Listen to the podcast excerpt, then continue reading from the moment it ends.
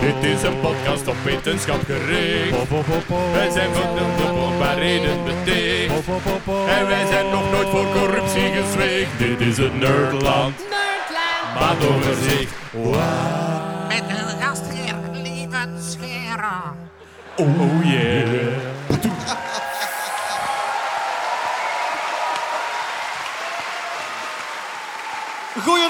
Nerdland Festival!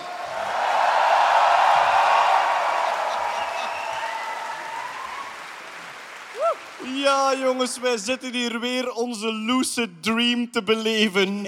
Het 3000 Nerdland Festivalgangers podcastfans hier bij ons in een tent voor een live aflevering van ons eh, Nerdland eh, maandoverzicht. En bij mij zitten natuurlijk Bart van Peer.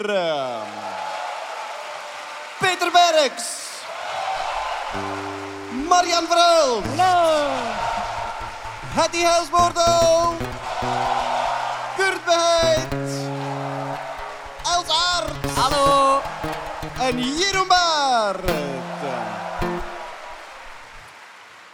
Natta kon er helaas niet bij zijn. Oh. Misschien moeten we een Waar is, waar is Natta-nummer eh, beginnen over vage, De, trau- de, de trauma's zijn nog niet... eh, nee, dat gaan we niet doen. over vage dinosaurusweetjes, waar zij zo een, eh, grote fan van is. Eh, voilà, we zitten hier weer samen. Wij gaan terugkijken op het wetenschapsnieuws dat ons het meest is opgevallen in de voorbije maand. En dat is dan grotendeels de maand mei van 2023. En ik stel voor dat we er compleet volledig direct in vliegen. Eh Kurt Beheid, Ja. Er is een eh, probleem vastgesteld met de nieuwste update van de Google Pixel Phone. Niet direct van de phone, maar wel van de software. Namelijk zo het eh, de Hey Google-principe. Het feit dat je op een Pixel-phone kunt je sinds kort een timer zetten. En dat doet je met Hey Google. Sorry voor de mensen thuis die aan u... Ja. Of, of Hey Siri als je een andere telefoon hebt. Ah ja. Hey Alexa. Ik weet niet hoe dat gaat. Normaal doet je dat zo, hij doet je nog altijd zo. Maar de update was dat om een timer af te zetten, dat je gewoon stop kon zeggen. Dat is, dat is nieuw. Dat is nieuw, ja. Dat was een nieuwe update. Een tijdje geleden al eigenlijk. Ehm, nu hadden ze dat slim aangepakt, want stop wordt vaak gezegd. Dus het moest geïsoleerd zijn. Dus een klein beetje pauze daarvoor, een seconde erna.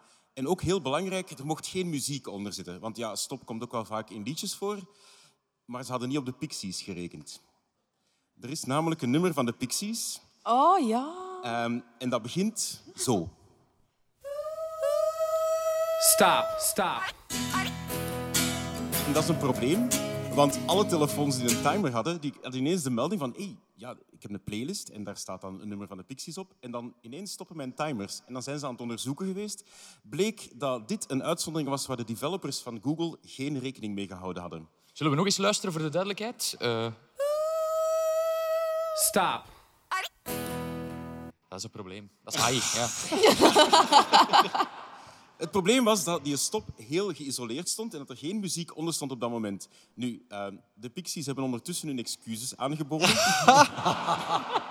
Met een simpele tweet waarin dat ze een wekker-emoji, een gsm-emoji en een stop-emoji samen achter elkaar zeiden van sorry mannetjes, we hebben het niet zo bedoeld.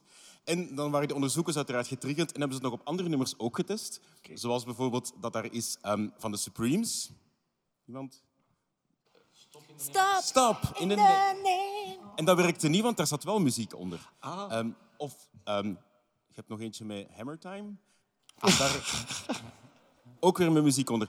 Dus ja, voilà. Dat is eigenlijk eh, het probleem dat ze daar hadden. Where is my mind van de, van, eh, de Pixies? Geschreven in de jaren 80 en die wisten toen al... 2023 gaan we ze goed liggen hebben. Ja. Langste practical joke ooit. Ja. Het is ook prachtig dat de Pixies de Pixelphone software Yep, eh, saboteren. Ja, prachtig. Zeg, Kurt, maar je hebt het nu over het woord stop. Hè, dus stop. Ehm, en als er in podcasts veel stop gezegd wordt, is dat dan ook een probleem voor... Je moet er een klein pauzeke voor laten. Ah ja. Stop. en dan Ah ja. Maar ja, wie gebruikt er de opname van de podcast om mij wakker te worden? De, de Nerdland maandoverband waarschijnlijk. Ja, natuurlijk. Ja, het is wel een goed riedeltje. Ja. Komt dan in het nieuws, hè. 10.000 nerds overslapen zich in België. Vanaf nu bij de Nerdland jingle roept één van jullie drie gewoon stop en dan tom pom pom pom. Alright, we gaan naar het volgende nieuwsje. Eh, Hetty, dit Ja. is echt wel een spectaculaire. Ja. Een man die terug leert lopen. Het is in Nederland zelfs. Een man die terug leert lopen omdat ze zijn ruggengraat via bluetooth met zijn benen verbonden Ja, hebben. het is echt waanzin. Het is inderdaad een... eh, excuseer, mijn stem is een beetje weg. Hoe komt dat nu, Hetty? Allee, zeg. Ja, Nederlandse veertiger die een eh, paar jaar geleden zijn nek gebroken heeft bij een eh, fietsongeval in China en daar een dwarslesie aan overgehouden heeft. Dwarslesie, dat is ja, uw, een onderbreking van uw ruggenmerg, waarbij dat de zenuwbanen afgekneld raken en ja, dat heel veel lichaamsdelen dus verlamd raken. Ehm, ja, wat hebben ze gedaan? Ze hebben eigenlijk een soort digitale brug aangebracht tussen die man, zijn brein en zijn ruggenmerg. Het is, allee, toen dat ik het las, want het is van donderdag of van vrijdag, het is eh, Nature nieuws ook. Hij is ook de enige proefpersoon ter wereld die dat op dit moment heeft. Waarbij dat ze eerst, ja, we hebben hier een, een brainshow gehad. ehm, eh, op het festival, waarbij dat ze eigenlijk eerst zijn hersenschors hebben uitgelezen om te kijken ja, welke delen van die hersenschors reageerden nu het sterkst op de intentie om te bewegen. Hè, die man is verlamd, maar, maar met zijn brein is er niks mis. Het is gewoon de connectie naar, naar de spieren die niet meer werkt. Ken je dat, eh, Bart, de intentie om te bewegen? Ik denk dat ik dat daar straks gehad heb, dus als die madame van Guinness gaat... Eh, goed, dus toen als ze echt goed wisten waar dat, zat bij die man, hebben ze daar eh, titanium-elektroden ehm, ingeplant. En dan hebben ze een soort ja, pulskastje in zijn buik gestoken, die dan de, de verdere connectie maakte naar zijn benen. En het is die verbinding die inderdaad draadloos is aangelegd, waardoor dat hij nu eigenlijk denkt aan bewegen en dat zijn benen daardoor meteen mee... Die, die connectie is een paar minuten nadat dat geactiveerd is, is dat op, gang geraakt. Hier zien we inderdaad het filmpje van de man. Het is voorlopig nog met een rollator, maar ik, ja, ik vind het... Sorry, dat dit in 2023 kan. Mensen die gewoon een dwarslesie hebben, geplant iets in, in, het brein en iets in, in het ruggenmerg, en die lopen terug. Maar wa- waar zijn we beland? De toekomst. Ja, absoluut. Dat staat niet in het filmpje, maar hij komt nu wel overal te laat, omdat hij eerst vijf minuten moet peiren. Dus hij moet, met, op, hij moet van onderaan zijn ruggenmerg moet hem op een klei toetsje duwen voor vijf seconden en tegelijkertijd hierboven. En dat, dat, het pinkt, maar het vindt elkaar niet. Ja, ze spreken... Legs spreken hier not nu- found. Ze Sorry. spreken hier nu van een, eh, een BS, BSI, eh, eh, Brain Machine Interface, kennen we al. Dit is Brain Spine Interface. Ehm, en het straffe van al, vind ik, of het strafste van al, ze zien ook herstel in zijn hersens. Wauw. Op het moment dat hij dat ding terug afzet, loopt hij beter. Allee, dus... Allee, Wow! Wow! Maar het is dus echt een, het is een, connect, een connectie van bijna een meter lang die Ja. draadloos gebeurt. Ja, ja, ja, Wauw. Draadloze zenuwen, eigenlijk. Draadloze zenuw, ja. Ja. Het, is, het is Ja. bijna gelijk, gelijk internet. Van, kunnen we een kabel trekken? Dat gaat te moeilijk zijn. We gaan het even draadloos doen. Een, een, over, ja, overbrugging via... ik kies toch via- al voor- altijd voor bekabeld. Want allee, die mens Ja. loopt voorbij een microgolfoven en een pap. Heb het maar voor, hè. Ja, of met de draadloos. Ik kan even een rooiko soepje maken. En je zet dat aan en twee, twee kamers verder, paf.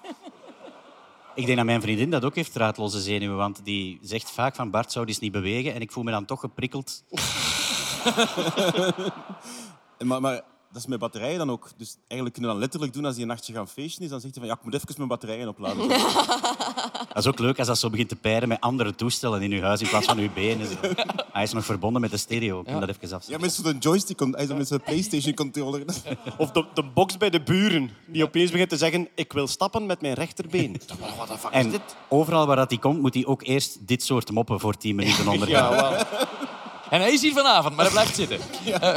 Maar, en dat zou waarschijnlijk echt kunnen, stel dat je twee personen hebt die dat hebben, dan zou dat waarschijnlijk kunnen één hoofd aan de andere zijn benen Ah, connecteren. ja. Maar ja, Ja. dat ik moet toch... slaapwandel sinds kort, ik snap er niks van. Is het, is het geen persoonlijke analyse van zijn patroon? Was dat niet, is dat niet het hele Ah, ding? ja, dat is Ik juist. denk dat Wel, ja.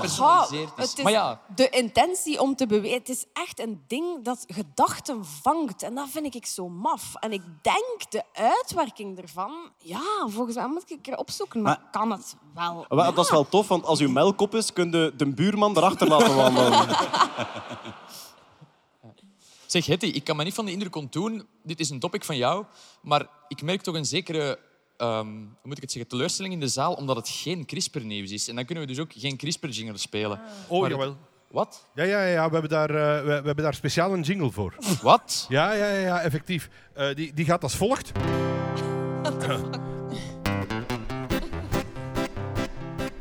Er is geen nieuws, geen CRISPR-nieuws, maar CRISPR is. Gewoonweg de revolutionaire techniek. Om snel en goedkoop veranderingen aan te brengen. aan het DNA organisme. Daar is aan gecrisperd, precies.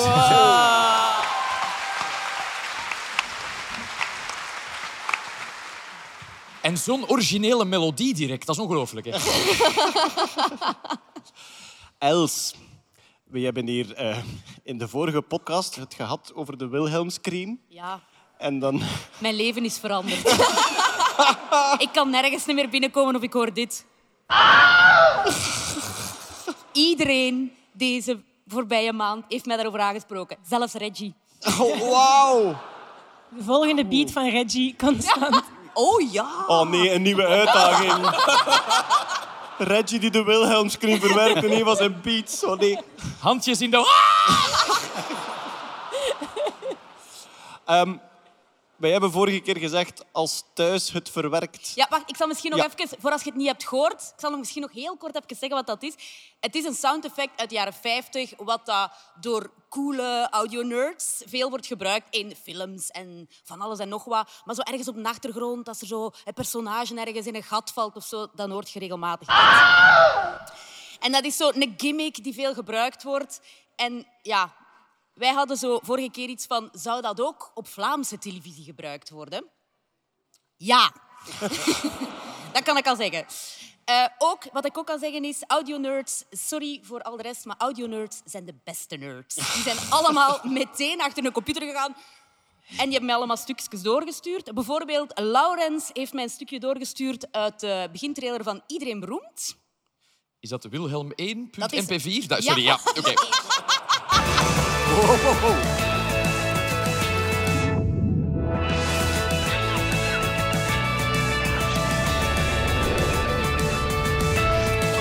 Komt-ie. Allee. Nice. Eh, Dus het moment dat er iemand valt omdat er Ja. meeuwen rondvliegen, Ja. Wilhelmscream. Ja. Goddelijk. Maar we kunnen nog beter. Eh Nick is monteur van De Mol. En die beweert dat er in elke aflevering van De Mol een Wilhelm-screen nee, Ja. ja. Hij is de mol. Maar ik moet wel zeggen...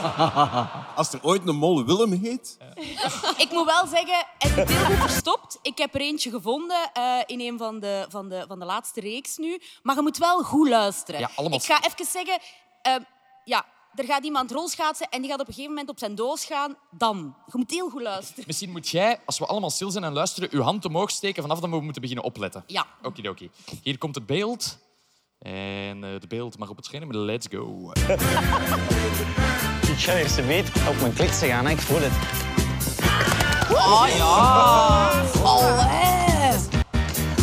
Die is er wel in Die is er wel... Dat is Dat subtiel, staat in hoor. de muziek Ja, ja. gemixt. Hè? Dat is wel next Ja. level. Hè? Ja, en ik heb hem niet gehoord, want ik heb al die afleveringen gezien. En ik heb er normaal wel antennetjes voor en die is Ja, gepasseerd. maar ja, jij wist ook niet wie dat een mol was, dus uw antennetjes... Ja. Maar nou, Ik zat de laatste twee afleveringen juist. Ja, dan Eh, wel, ja. ja. ja. door, door eliminalia. Oké, dan wij hadden gezegd van het zou tof zijn als het dan een keer in thuis zouden steken. Nu blijkt, dat had al een keer in thuis gezeten. Oh, Namelijk hier. Ik zal misschien zeggen, eh, Frank Bomans staat naast de camionet en Waldeck staat Oh, erachter. dat, oh ja. Oh, wat zou er Ja. gebeuren? Dat was zo erg. She's totally invested. Verdomme.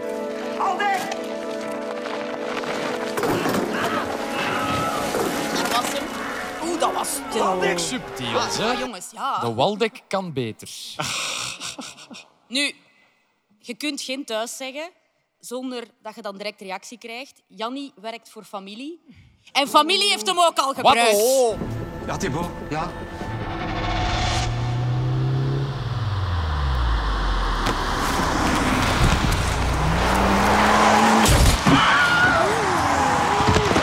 Dat is goed. Dat was wel een schone. Ja. Dus gaat iemand die, die eigenlijk wordt overreden door een auto op het moment dat hij op de ruit gaat. was de bedoeling? Heel cool dat ze hem surround gemaakt hebben. Ja, ja. Maar ik, volgens mij waren dat ook gewoon de remmen van die wagens. Dat was... Maar we hadden... Wacht, ik heb hem. De, de Wilhelm-schijf. Nee, laat maar. De Wilhelm Break. Maar we hadden vorige keer wel een uitdaging gelanceerd. We hadden gezegd, het zou heel cool zijn als we het een keer zouden gebruiken in thuis. En als tegenprestatie zou Hetty dan heel graag een keer gaan meedoen in thuis. Allee, nee, niet heel graag. Heel erg tegen haar zin, maar alleen maar voor de uitdaging. Maar zo tegen mij zin. En dus eh, ja, een dikke week geleden kon je dit zien op één. Even de context van de scène misschien. Wat Ah ja, ja het is... ehm, Nee, dat is niet nodig. Dat is niet nodig. Oké, nee, dit is... Het is, een- het is een opdringerige man en eh, een vrouw die de opdringerigheid niet pikt en dat op doortastende wijze met haar knie laat zien. Let's go. Je bent niet de goede raad te kiezen, hè? Ik moet echt vertrekken. En zo'n klassedame gelijk jij. Verdient toch beter, niet?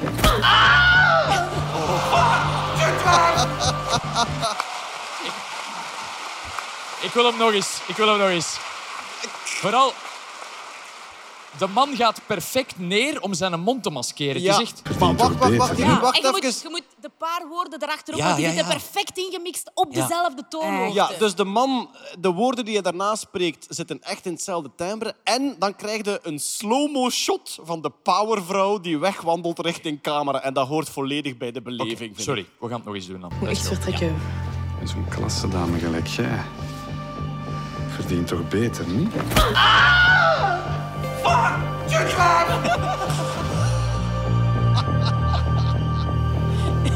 Ja, ik vind... Ja.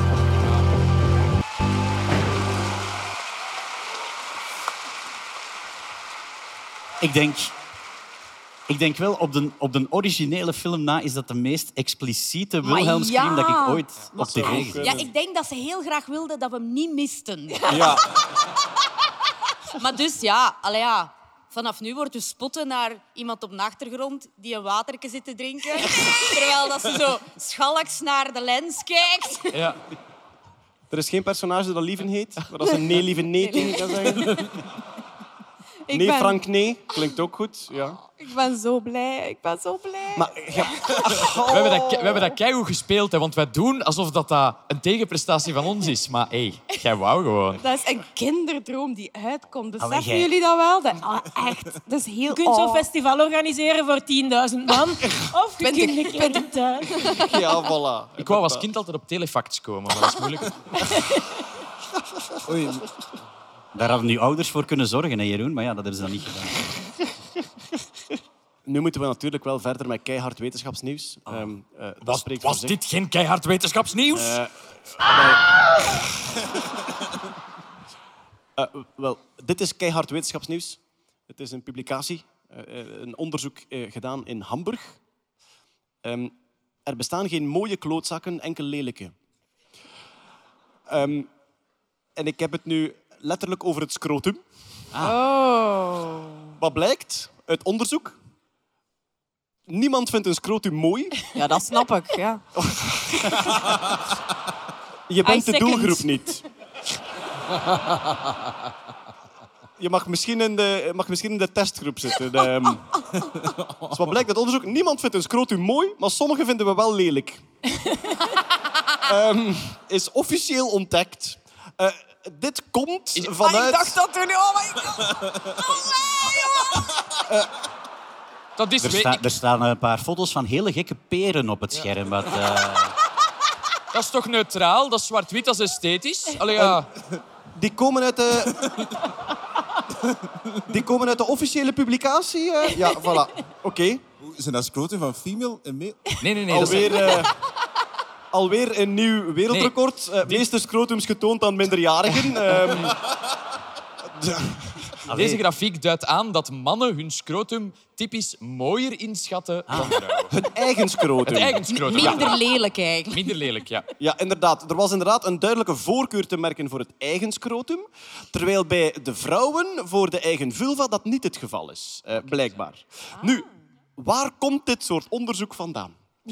Ja. Het komt, het komt zowaar uit de plastische chirurgie. ah. Ik weet niet of jullie eh, eh, eh, weten dat er in plastische chirurgie ook trends zijn. Hè, dus blijkbaar hebben ze zo rages in plastische chirurgie. Ik zou zeggen, mijn wenkbrauwen die, gaan daarvan omhoog, maar kan niet meer. Maar je hebt zo zelfs eh, jukbeenvergrotingen gehad. Je hebt die typische bilvergrotingen in de tijd van de Kardashians, dat mensen dat ook wilden. De lippen laten opspuiten enzovoort. De anal bleaching, nog altijd een van de meest mindblowing rages. Jij bent de doelgroep niet. Eh, Nee, nee, dat is inderdaad zo. Wacht hoor. Wacht. Oei. Nee, so- sorry, lieve. zeg, zeg, zeg nog eens, hoe, hoe schrijf je dat? Ik moet zo lang nadenken over die mop dat ik duidelijk de doelgroep niet ben. Ehm, er is, dames en heren, een nieuwe rage in de plastische chirurgie. Het is de zakverstrakking. De- Is dat dan met zo'n touwke dat je van boven kunt... ik, ik weet het niet. Ja. Je legt, je legt die op de, op de chauffage met wat telefoonboeken op. De zakverstrakking is een dingetje. En eh, toen dachten ze... Wacht, lieve, voordat je verder gaat. Dat is niet als je hart verschiet of zo, hè? Van, goh, mannen.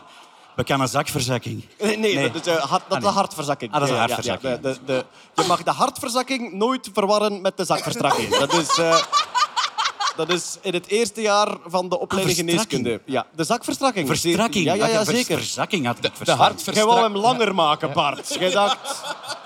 Ik zag, mij zo ik zag mij zo lijnen in het zand trekken. Zo. Ja, ja. I got my way with the ladies. We gaan ze een keer eh, laten zien waar de klepen langt. Hansje, Grietje, geen zorgen, we vinden de weg naar huis.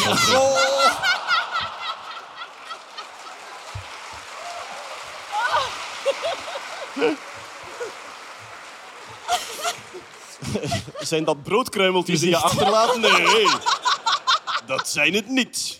Wanneer is dit Nerdland After Hours? Ja, wel, ja. Allee, ik weet dat ik begonnen ben, maar toch. Ja. Maar dus, omdat dat een nieuwe rage was, waren er dan enkele, eh, enkele plastisch chirurgen die dan wel wilden onderzoeken. Als we het doen, willen we het goed doen. Dus wilden ze een onder... hebben zij officieel een onderzoek gedaan naar wat vinden we nu een mooi scrotum. En de conclusie was, geen enkel. Ja. Maar sommige zijn lelijk. En hoeveel geld en tijd is daar naartoe gegaan? eh? Eh, Dat weet ik niet. Ja. Dat weet ik niet. Het is een officiële publicatie. We zetten ze uiteraard eh, in de show, notes eh, met eh, de afbeeldingen erbij. Eh, Jeroen, Zeker dat. mag ik nog iets vragen over dit onderzoek? Tuurlijk. Je- Jeroen, kun jij de, de grafiek nog eens tonen waar, waarop mannen aangeven hoe Ja. schoon ze hun eigen scrotum vinden? Komt eraan, ik ben even Ja, de engel... want Ja, ik heb, voilà. iets, ik heb iets gek opgemerkt. Kijk, de, eh, wie, wie ziet de reanimatietechniek zitten? Eén scrotum, twee scrotum, drie scrotum, vier scrotum. Breathe! Eén scrotum, twee... Ja, sorry. Jij mocht E EHBO-opleiding gaan geven Dank met je wel. Rode Kruis. Ja, zeker wel. Het zijn echt maar vijf mensen dat dat begrepen hebben. Dat is problematisch eigenlijk. hè? Ja. Dat, is, dat is heel erg. Eh, wat een paar jaar geleden blijkbaar ook een rage geweest is, ik denk dat het in eh, Zuid-Amerika was, was ehm, de siliconen testikels voor gecastreerde honden. Ah, Dus dat waren, dat waren dan... Ja, daar heb ik al van gehoord. Ah, maar ja, jij je doet ook... Een pitbull met zo'n gigantisch klok. Om, om een of andere reden vond ik dat super tof of zo. maar Ja. zeggen, die, zeggen die teefjes dan niet... Pff, siliconen. Nee? Nee, maar dus effectief, als, als een hond eh, gecastreerd wordt, dan hangt daar zo een leeg ballonnetje onderaan. En dan sommige van die macho-mannen met een doberman, die vonden dat dan toch geen uitstraling had. En dan konden echt zo in verschillende groottes, konden zo de diameter kiezen van eh, de, de nepkloten van de hond eigenlijk. Ja, Hansje voilà. en Grietje, zo, is die hond gecastreerd? Ja, fuck, we zitten niet voor altijd. Dat is een rage die nog niet eh, naar de mensheid overgesprongen is. Goed, zoals elke maand kunnen we er niet omheen. Er is nieuws over een bepaald onderwerp uit de computerwetenschappen dat professioneel zal aangekondigd worden door Johnny Trash en de Nerdland Maandoverband. AI, AI, AI, AI, AI, AI, AI, Is het de zegen of onze grootste wens? Is het de ondergang van de mens? Het is de toekomst. Artificial intelligence.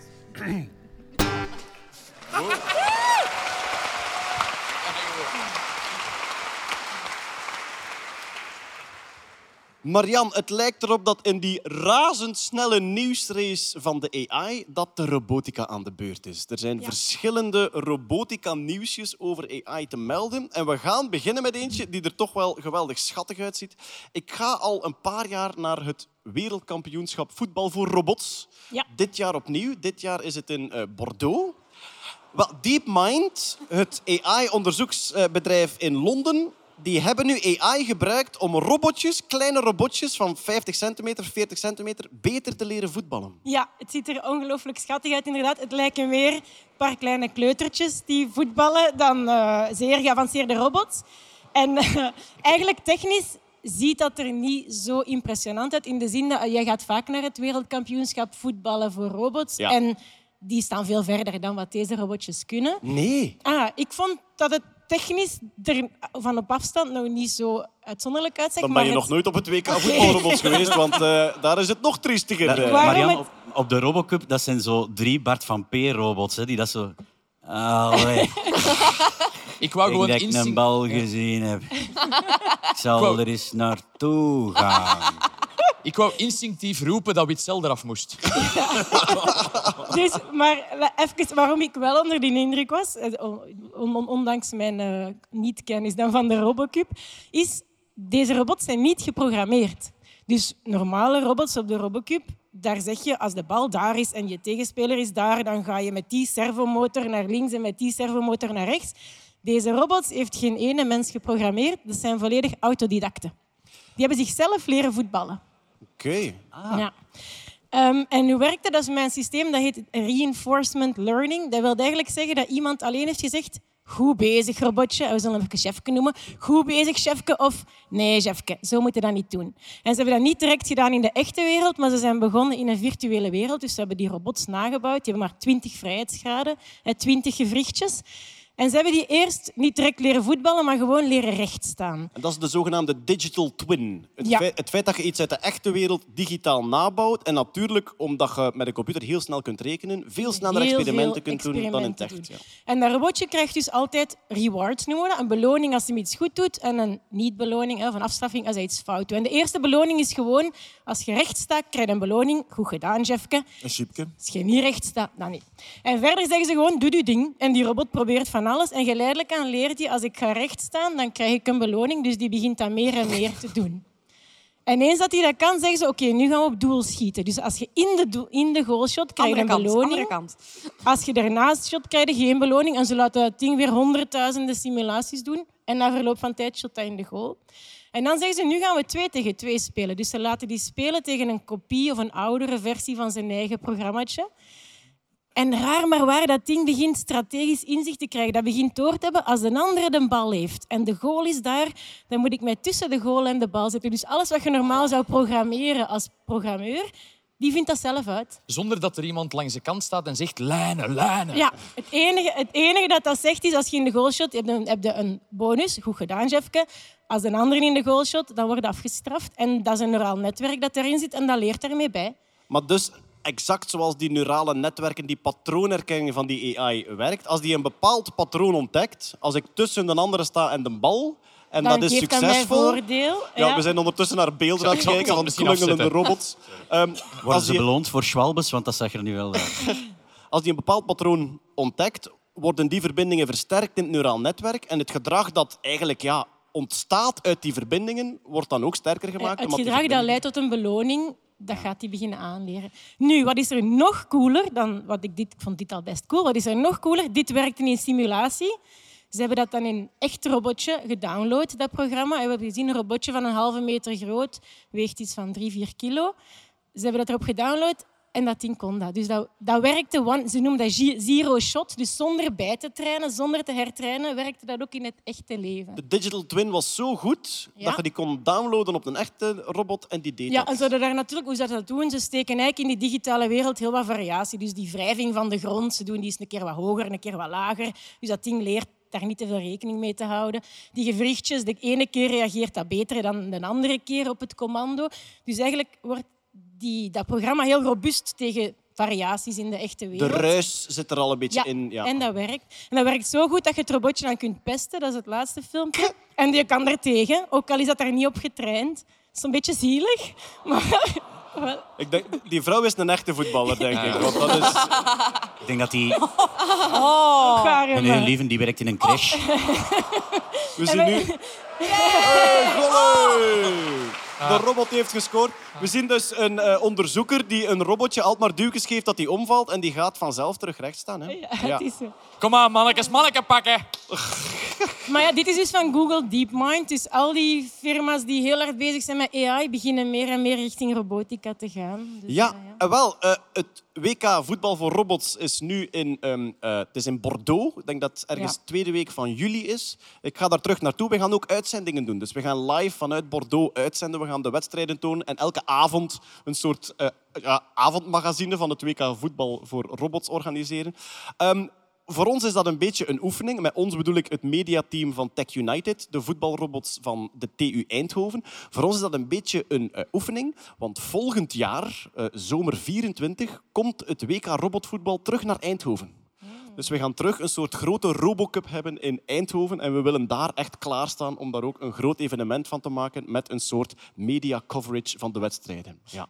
Krij- Krijgen die robots zo een kaart met RGB-kleuren, zo hexadecimaal, als die van... Oh nee, ik heb een 00FF00-kaart gekregen. Nee, wacht, rood. FF000. Ja, ja. En 400 FF00 kaarten zijn dan eh, een rood. Ja, zwart. Ja, het is Zwart, ja, allemaal, allemaal wel heel cool, maar hommels die kunnen ook shotten. Hè. Wat zeg je? Je kunt hommels ook leren shotten. Hè. Hommels kunnen ook voetballen. Ah, je kunt ook voetballen. Ja? En je kunt één hommel dat laten afkijken van een ander en dan kan die dan van de eerste keer. Als je Zero shot. Moet geen robots hebben. Robots Ik, kunnen ik dat hoor, ik hoor zo het Hollands comment- commentaar. Echt al hommel. Naar hommel. Terug naar hommel. 2-1. Van Hommel. Ja. Van hommel. Ja. Wat ik super cool vind aan AI die robotica leert bewegen, want we hebben het ook ooit gezien met een robothand. Wat ik er super cool aan vind, dat is dat eh, die bewegen enorm zoals kleuter die leren lopen. Omdat eigenlijk, als een kleuter leert lopen, is die ook aan het testen en reinforcement learning, dat is dan eh, val ik op mijn muil of niet. Eh, via reinforcement learning zijn die ook banen aan het versterken. En heel dat onhandige kleutergedoe van zoeken welke bewegingen er werken of niet, komt Maar dat, dat enorm zie mee je bijzonder hard in kwalitatief terugkomen in, in deze kleine robo- robotjes. En het grote verschil met de robots op de Robocup tot nu toe, alleen mijn Bart van Peermop was een beetje waar, je ziet die echt heel traag vooruitschrijden. Zo. Ja. Schrijden, bijna beslissing na beslissing maken met seconden ertussen. Ja. Dat is een heel ander systeem. En ik, ik, ik heb, jij bent altijd een zeer grote fan geweest van de Robocup. Ik stond er altijd een beetje sceptisch tegenover. Misschien het doel, het doel van de Robocup is om in 2050 met een team robots Ja. te winnen van de menselijke wereldkampioenvoetbal. Nu ik deze robotjes zie, ben ik iets harder mee aan Is het boord. echt, ja? Want ik vraag mij ook af, mogen die naar de Robocup komen? En wel, die mogen absoluut naar de Robocup Maar ze komen. spelen één tegen één en de Robocup zijn grotere teams. Hè. Dus Ja, ja. Dat kan nu, ze kunnen het nu nog niet. Er zijn heel veel Ja. leaks in de Robocup. Er zijn ook één tegen één leaks, maar ik denk met grotere robots. Ehm, dit jaar doen ze niet mee. Ehm, natuurlijk zou het super cool zijn als ze volgend jaar wel meedoen in Eindhoven. Of dat zo zal zijn, weet ik niet. Maar zelfs als ze niet meedoen, zou het toch echt cool zijn dat ze een demo komen geven. Dat zou wel... En dat, dat dit soort AI-toepassingen voor robotica heel snel ingang gaan vinden in die Robocup. Het zijn natuurlijk academische teams. Hè. Robocups zijn allemaal universiteiten. DeepMind is een, is een ja, onderzoeksinstelling. Dus eh, ik denk dat ze welkom zijn. Ik zou het absoluut fantastisch vinden om eh, deze rondstuiterende rakkers ook eh, te zien in Eindhoven. Jullie weten toch wat er op het einde van een robotmatch gebeurt? Dan wisselen die van processors.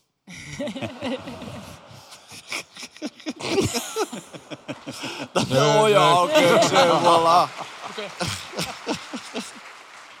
Hoe laat is Het is goed, ik heb mijn plaats. Alright. We blijven bij de AI, want ook fysica-nieuws, Bart. Ehm, het, wordt al lang, het wordt al lang gehoopt, maar een AI-systeem is er nu in geslaagd om zelf fysica te bedenken. Helaas waren het wel fysica-wetten die we al lang kennen. Ja, klopt, klopt. Ehm, dus er is een artikel verschenen in Nature ehm, over een, eh, een onderzoek van een groep aan Samsung AI in Cambridge.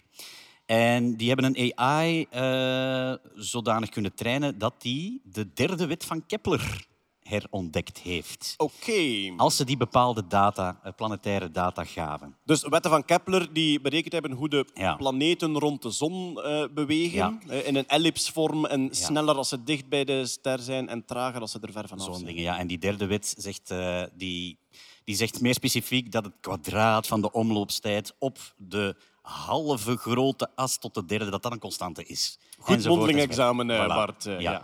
Dan kan ik naar huis. Hè. Ehm, nu, dat is, wat, dat is wat het artikel zegt. Ik heb dan de paper eens bekeken, want ik, ik vond, en ik vond dat bijzonder complex eigenlijk.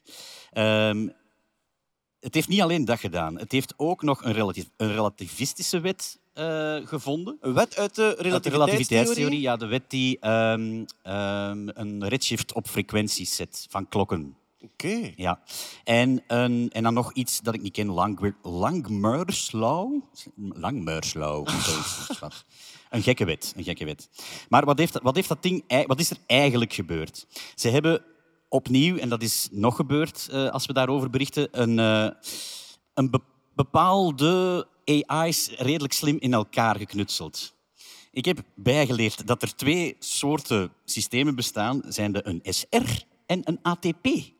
Alright, Ja, wel- welke willen jullie dat ik eerst uitleg? ik, zal, ik zal beginnen met de SR. SR, dat gaan misschien mensen hier wel, of, of, of ja, eh, nerds wel kennen. Eh, een symbolische regressor heet dat. En dat is eigenlijk een ding dat op zoek gaat naar uitdrukkingen, naar, naar wetten, naar, naar een wiskundige lijn.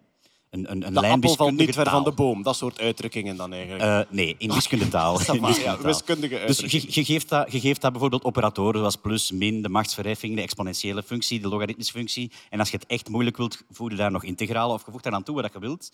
Ehm, en dan zeg je van, oké, begin nu maar te combineren en samen te stellen en doe maar. Eigenlijk op een soort van genetisch-evolutionaire manier. Hè. Doe maar, doe maar, doe maar. Maar houd, houd alleen over wat heel goed een fit geeft aan bepaalde data. Dus dan zou je bijvoorbeeld kunnen, je laat een gewicht vallen van hoog naar beneden. Je meet eh, om de zoveel tijd hoe hoog het nog hangt. Je voert die data in een systeem. Ja. En die kan dan zelf, door met de symbolen plus, min, kwadraat en een breuk enzovoort te beginnen prutsen, kan Ja. die zelf de wetten van de valversnelling afleiden. En de gravitationele formule Ja, eigenlijk dat zelf is, dat, is een, en dat is een eenvoudig geval. Hè, dus, en, en zeer waarschijnlijk zal die gravitationele wet daartussen zitten. Maar het moeilijke neveneffect is, die genereert er ongelooflijk veel. Hele complexe, als je chance hebt, heel simpele ook. En dus je weet, niet, je weet als onderzoeker het kaf van het koren niet te scheiden. Dat is daar moeilijk aan. Daar komt die tweede AI aan te pas, die ATP. Ook iets waarvan ik niet wist dat het bestond, maar het is ook het is omdat mijn veld niet is natuurlijk, maar ik heb vandaag veel bijgeleerd. De automatische theorema-bewijzer. Dat klinkt als iets handigs. Dat klinkt als iets dat je verzonnen hebt in de ideale wereld, Bart. Eh, dat klinkt als iets dat ik had kunnen gebruiken op het examen. Eh, de, een automatische theorema-bewijzer is opnieuw een soort van programma of wiskundig systeem en dat begrijpt formele wiskunde. Dus wat kun je daarmee doen? Je kunt dat axioma's geven, bijvoorbeeld die van Euclides of, of, of gewoon fysica-wetten ook in verband met gravitatie. En dan geef je dat ook nog een theorema. En dan kun je vragen, is dit theorema afleidbaar uit de axioma's die ik gegeven heb? Dus dat is eigenlijk het werk dat wiskundigen aan het bord eh, eh, doen. Zo'n apparaat kan dat ook op zich. Ja. Automatische theorema-bewijzer. Automatische theorema-bewijzer. Nu wil ik er ja. één. Ja. Toch? Ja. Dat, ja, is nog, ja. dat is nog een job die dat bedreigd wordt. Wiskundeleraar. Ja, wel, Eh, alleen maar- de theorema-bewijzers. Ja, maar dat is, dat, is, dat is een beetje de bedoeling van, van, van die... Descartes heet hij trouwens, die AI Descartes. AI Descartes. AI Descartes. De bedoeling is dat die eigenlijk, als je die een dataset geeft, dat die zelf op zoek gaat naar ehm fysica-wetten. Ah, dus echt ja. de job van fundamenteel onderzoekend Maar fysicus. dat is toch ongelooflijke waanzin wat dat jij nu net vertelt. Maar dat is toch... Maar, maar wacht, wacht, wacht. Allee. Dat is een wetenschapper, De waanzin een. AI-wetenschapper. Wacht, wacht, ja. Het, het, ding is, het ding is, dus wat hebben ze, wat hebben ze dan deze gegeven? Ze hebben die ehm, planetaire data gegeven van ons zonnestelsel, planetaire data van Trappist 1. Ook gegeven. Ja, een, een zonnestelsel eh, Ja, ver weg van exoplaneet. ons, dat door een eh, Waalse wetenschapper onderzocht is ook. Ja. Voilà. En dus En- de data is gewoon wanneer staat de planeet op welk punt en hoe Ja, ver van de ster. or- be- bepaalde orbitale data. Ah, ja, voilà. En ze hebben die dan ook nog eh, data gegeven over eh, binaire, eh, binaire sterren. Dus twee sterren die rond elkaar Die sterren draaien. rond elkaar, ja, voilà. Oké, wat is die SR gaan doen met die data? Die is gaan kijken van oké, welke uitdrukkingen zorgen er hiervoor dat ik die bewegingen kan voorspellen. En dan die, eh, die theorema-bewijzer, die hebben ze eigenlijk ja, een paar wetten gegeven waaruit dat wij, fysici, redelijk gemakkelijk de wetten van Kepler zouden kunnen afleiden. Dus Eh, gewoon dingen als F is MLA en de gravitationele wet zit daarin enzovoort en zo verder. Wat is daaruit gekomen? Dus een hele lijst van uitdrukkingen. Dat is geleverd door die SR. En die ATP is er dan ingeslaagd van die wet van Kepler eh, uit te identificeren. Te zeggen van, de- deze hier die is afleidbaar uit mijn axioma's. Dus dat is een redelijk grote kanshebber. Ah, die zegt wat... eh, ja, die, Die, zegt van... die selecteert in die veelheid, ziet hij van... Ja. Ja, ja, ik zal er eens doorgaan, ik zal er eens doorgaan. Deze krijg ik niet afgeleid uit mijn axioma's, dan deze wel. Oké. Dus wat krijg je daar? Je krijgt een AI. Je geeft die, je geeft die bepaalde wetten, ehm, je geeft die bepaalde data, maar je moet wel, je moet wel beseffen... Dit is heel geconstrueerd. Die, die heeft echt de juiste data gekregen. Ze wisten waar ze naar op die zoek heeft waren. de juiste ja, oké. axioma's gekregen. Want die heeft bijvoorbeeld dan ook ehm, dat relativistisch vraagstuk opgelost. Maar daar heeft hij ook wel een paar, eh, een, kleine, daar heeft hij een paar relativistische axioma's gekregen. Die heeft eerst al wat Ja. formules gekregen uit de Ja. relativiteitstheorie om te kunnen zeggen... Als je die, want, want ze hebben die daar ook Newtoniaans op losgelaten. Dat geeft ook bepaalde resultaten. Die zijn uiteraard niet zo goed. En het enige wat ze kunnen zeggen is... Oké, als we die Newtoniaans daarop loslaten... Die voorspellingen zijn gewoon minder goed als dan wanneer we die relativistisch erop los- loslaten. Maar er is nog altijd een mens... Er is nog altijd een mens die gezegd heeft, die de relativiteitstheorie kent en die, zegt, en die die set heeft uitgebreid. Ja, oké. Maar dan nog, als je die alle kennis voedt die wij nu hebben. Maar wat voor een ongelooflijke... Eh, Wel, ik heb uw show gezien. Ik, allee, we, we doen hier heel veel AI en ik denk altijd, ja, ja, tof en leuk en ha, hoor, nu, nuance en zo. Maar Dat dit, is geen, geen maar- quote voor op de poster volgend jaar. Nee, maar dit raakt toch gewoon aan de, funda aan de, aan de filosofische fundamenten van wat kennis is, plots. Tuurlijk. Eh, over, over het, hoe moet ik het zeggen?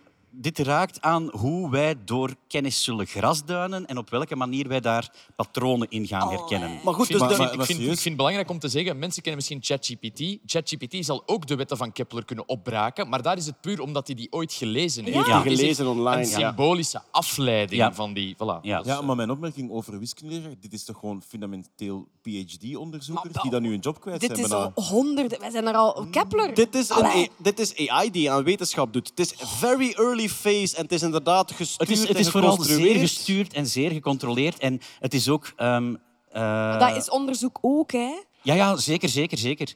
Ehm, het, het, het ding is ook, het, het, het kan nog niet beslissen. ehm, als het zijn weg niet vindt met de gekende theorieën, kan het nog geen nieuwe theorie bijverzinnen. Maar goed, maar het is zo vroeg, het is zo Ja. early day. Net zoals al die AI-systemen, ook die image generating, die text generating, die zo krakkemikkig was in het begin. Het is echt wel de droom, en of dat lukt, weten we nooit. Maar het is echt wel de droom dat je ergens in de toekomst gewoon een experiment doet, al je data opschrijft, aan een AI-systeem geeft en dat hij zegt, dit zijn de wetten die ik hierin ontwaar. Maar ja, ik en we zijn nu aan het ja. oefenen, we zijn nu aan het oefenen met wetten die we al kennen, Kepler enzovoort enzovoort. Waarschijnlijk, hopelijk, schuiven wij altijd maar op met dat experiment tot aan onze kennisgrens. En gaan we daarna kunnen zeggen, hier zijn nog wat dingen die we niet weten. Wat pijsde? Allee, Zeg, maar omdat AI zo'n zwarte doos is, hè, waar dat je niet goed weet wat dat daarin gebeurt, zou dat kunnen dat dat per ongeluk een bias heeft? Dat we daar per ongeluk iets in steken? Ja, maar dit- dit dat werkt dat er wel- gewoon uitkomt wat dat wel weten? Want dit werkt een beetje anders dan, dan de neurale netwerken waar we het zo vaak over hebben, die echt een zwarte doos zijn. Er zitten zoveel parameters in dat je niet weet wat dat ding geleerd heeft.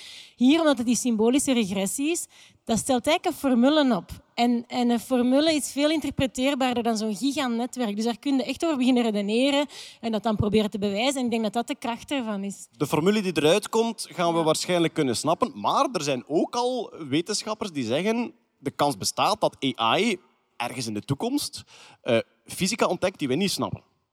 Ja, Dus dat de- Slimmer is dan ons. Ja. Ja, dus dat de, doomed. dat de AI eigenlijk dingen kan afleiden waarvan dat we als mens niet precies snappen hoe het werkt. Maar als we dan zien dat het altijd klopt, dan zeggen we, ja, het zal dan wel zeker. Hè? Maar ik kan denk dat zijn dat dat er nu al tussen zit? Ja, dat we het voilà. gewoon niet weten? Ja, voilà. Maar Ik ik denk het- ook aan de biochemie. Ik vind het te vroeg. Je test dit eerst op eerste graadsvergelijkingen. Dat is exact wat ze aan het doen zijn. ja. Ah, nee, het zit een kwadraat in de wetten van Ja, Kepler. Ja. Ja, voilà. Maar kijk, dus de eerste stapjes van AI die uit ruwe data zelf eigenlijk wetenschappelijk onderzoek kan doen en daar eh, de wetten uit Maar ik wou de sfeer nu niet verpesten. Ja, ik, ik- applausje voor Bart om een niet voor de hand liggend onderwerp zo duidelijk Oh. te zetten. Nee, maar dat is Voilà, echt waar.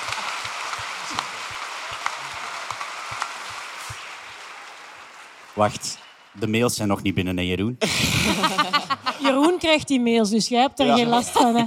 Die gaan we door AI laten beantwoorden. Ehm, We hebben het al gezegd, robotica is echt wel een beetje het thema in de AI van de voorbije maand. Wat hebben we ook gemerkt, of welk nieuws heeft ons ook bereikt? Uh, OpenAI, dus van zowel ChatGPT als van DALI, de, de, ehm, die uh, afbeeldingen maakt. OpenAI heeft 25 miljoen geïnvesteerd in het Noorse robotica-bedrijf uh, OneX. En OneX is echt een bedrijf dat, dat werkt aan humanoid robots, die er al prototypes van hebben enzovoort. Maar het feit dat ja, een van de momenteel meest succesvolle AI-bedrijven zich inkoopt in robotica. Ook waarschijnlijk het feit dat Elon Musk, die met die Tesla-bot bezig is, begint met AI. Ja, ze zijn toch aan het zoeken. Hè? Ja, het is zo'n beetje het vervolg van die robotjes daar juist. Die AI en die robot robotica, het komt gewoon echt... Iedereen probeert het meer en meer te koppelen. En het grappige is, OpenAI had een robotica-afdeling tot 2021. Dan hebben ze die gesloten of verkocht, dat weet ik niet, maar ze zijn gestopt met robotica te doen. En nu, twee jaar later, kopen ze terug een robotica-bedrijf. En ik denk ook heel hard gelinkt aan, herinner u, vorige maand hadden we het over de link tussen ChatGPT en robots. Dat daar iemand had gezorgd dat je met ChatGPT een robot kon programmeren.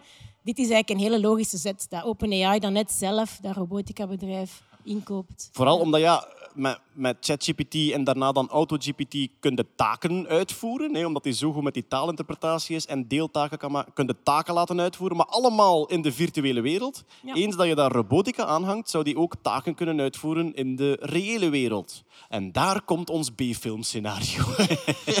Ik moet mij excuseren, dit is promomateriaal van het bedrijf. Links is wel degelijk een man in pakken. Uh, rechts Ah, is ja. een prototype, maar dat is een man in een motorpak. Ah, Zeg, en dat Noors bedrijf dat heet One X of One X? One 1X. Ah, dus niet één bijl. Je zou denken dat van Noors Elon gevonden Musk is, hè, met de X. Ah, ja, Ja, ja, ja. daar staat een X in. Het is gek inderdaad dat Musk het niet gekocht heeft. Of dat zijn kind niet is. I already had one X. Ehm, Hij heeft er meer. ja, dat is waar. Ja, ik vraag me af, zou er, zou er nog geen AI-bedrijf zo richting Boston Dynamics aan het lonken zijn? Dat die zeggen van, oeh, dat zijn wel hele indrukwekkende robots, kunnen we daar onze AI op passen? Ja, wie weet. Maar ja, Boston Dynamics is nogal... Enfin, die, die bouwen hele indrukwekkende dingen, maar zijn nooit echt bezig met de implementeerbaarheid op de markt of dat soort dingen. Als je die gaat laten zwieren gelijk een kleuter, gaat er wel schade hebben, ze vriend. Ja, dat is waar. Ja, we zullen die laten voetballen met AI. Eh zou mooi zijn. Ehm, er was een regen aan GPT-toepassingen en ook plugins die we de voorbije maanden zien komen hebben. Het is echt nog een beetje afwachten welke daarvan gaan overleven en eh, welke niet.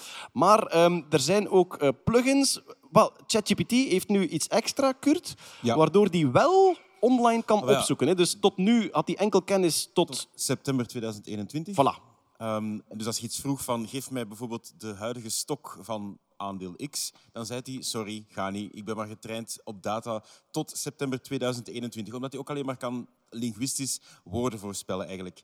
Ehm, maar ze zijn nu aan het experimenteren met ook online toegang te geven, waarbij dat je dus effectief ehm, ChatGPT de mogelijkheid geeft om vanuit zijn linguistisch taalmodel te gaan kijken van oké, maar ik ga nog wat websites bezoeken en dan ben ik nog slimmer.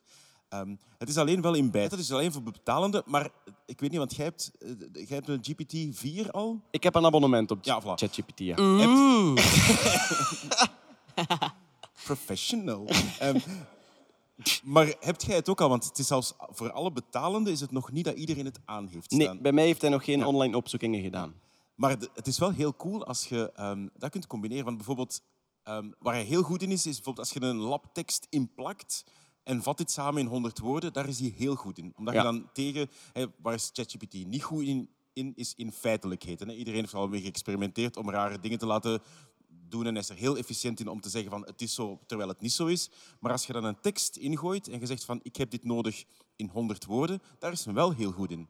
Het is heel handig als je dan gewoon daar een link in kunt plakken en dan moet het niet meer lezen. Ah, ja. Vat deze artikel op de website samen in 100 woorden. Wacht, dat is de voorbereiding van elke podcast. Lap. Pum, pum, pum. Nee, ehm, dus dat is bijvoorbeeld iets wat je eigenlijk nu via die tools, via die plugins, heel hard... Dat, dat soort dingen zijn nu heel hard aan het ontwikkelen. En ik denk dat, dat OpenAI ook wel gedacht heeft van shit, we gaan dat naar onszelf toe moeten trekken, want als wij het niet doen, dan zijn we het kwijt. Ja. En dus dat zijn ze nu in een eerste beta aan het uitrollen. En er is ook een app, denk ik. Hè. De, de, de ChatGPT komt als app in de App Store. In Noord-Amerika is hij er al, ja. Nog maar niet bij ons nog niet. Nee. Dat je echt ook de app kunt openklikken en daar eigenlijk kunt praten. Alle apps die je hier downloadt van ChatGPT of OpenAI zijn niet van het bedrijf en stelen mogelijk je data. Dus wees voorzichtig.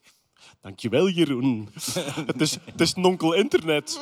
Ehm, wij hebben hier vrijdag eh, op de openingsavond van het Nerdland Festival hebben wij een paar ChatGPT-experimentjes gedaan. Thomas Winters was hier eh, van, de, van de KU Leuven, die al heel lang bezig is met taalmodellen en nu een soort wizard is met eh, eh, GPT-4. En die heeft daar een scherm geopend. Het is niet ChatGPT, maar het zit op de playground. En dan heb je een scherm waarmee dat je praat met, ChatGPT, of met, met het GPT-systeem. Maar links heb je een kader, dat heet System. En daar kun je instructies geven over wie hij is of hoe hij zich moet gedragen, het model. Eh, wat heeft Thomas hier vrijdag gedaan? Eh, hij heeft het GPT-model veranderd in Marcel van Willis en Mariette. Ehm, dus ik heb gezien wat hij aan, aan het typen was. Ik kan het nog voor een stuk van buiten leggen. Dus hij, hij, hij typt in dat, in dat systeemvenster, typt hij... Jij bent Marcel, een verwarde oude man die in een micro praat bij een lokaal tv-station. Hele omschrijving. Eh, je verwijst vaak naar VJ Nico enzovoort. En daaronder heeft hij dan gezet... ehm, dit is typisch de manier waarop je praat. Hij heeft er ook bij gezet, je gebruikt heel vaak het woord dink. Dit is de manier waarop je praat. En dan heeft hij gewoon hele stukken uit ons scenario daarin geplakt van tekst die Marcel uitgesproken heeft in het programma. Daarna hebben wij met Marcel gepraat. En dus telkens als gevraagd, wat vind je van dit? Eh, Marcel vindt eh, Dink eigenlijk eh, mooi om Dink naar te kijken. Zit hij zo te praten. Dat was al heel grappig. Toen hebben we Marcel gevraagd om software te schrijven. Omdat je weet dat ChatGPT kan programmeren. Je kunt vragen schrijven, is Python-software die dit probleem uitvoert? En dus we hebben ingetikt... ehm, schrijf eens Python-software die aan vijf mensen hun leeftijd vraagt en dan de gemiddelde leeftijd berekent. Thomas duwt op enter. En mijn leven is veranderd. Ehm, Thomas duwt op enter en die ChatGPT zegt... "Eh, ja, eh, Marcel is eh, eigenlijk geen denk, programmeur, maar... en, dan, en dan zegt hij... Maar ga toch eens proberen. en die begint te zeggen... Ik denk dat... En die, die begint dus die begint aan een uitleg. Eh, misschien eerst denk, moeten wij variabelen kiezen. En dan, en dan heeft hij echt dus Python-software geschreven die aan vijf mensen een leeftijd vraagt. Elke variabele, de naam van elke variabele begon met denk. Het was echt zo... Denk underscore leeftijd 1. Denk underscore leeftijd 2. En dan helemaal op het einde, als hij het resultaat had, printline, eh totale denkleeftijd is, is... En dan de variabele denk totale leeftijd. En dan, en, dan, en ik echt waar, eh, er zijn beelden van. Ik kan het bewijzen. Dan sluit hij af met... Ziezo, dit is een klein programmaatje. Eh, Kan je misschien opsturen op een hele briefkaart?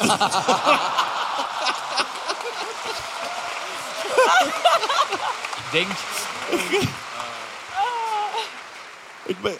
Thomas. Dus ik zal eens zien of ik een, een demootje in de show notes kan zetten. Voor de mensen die het thuis live willen zien, dat we het nog eens herspelen en dat we het kunnen... Ja, en eh, we hebben ook... Ik denk dat eh, Thomas de tekst die hij gebruikt heeft om Ah, ja. eigenlijk GPT te prompten naar Marcel, dat hij die ook staan heeft. En als Thomas die wil delen, dan kunnen we die ook altijd in de show notes Iedereen zetten. Marcel. Ja, we zorgen voilà. ervoor. Kan je praten met Marcel zoveel als je wil. Oké. Mag ik nog één projectverzoekje doen bij Thomas?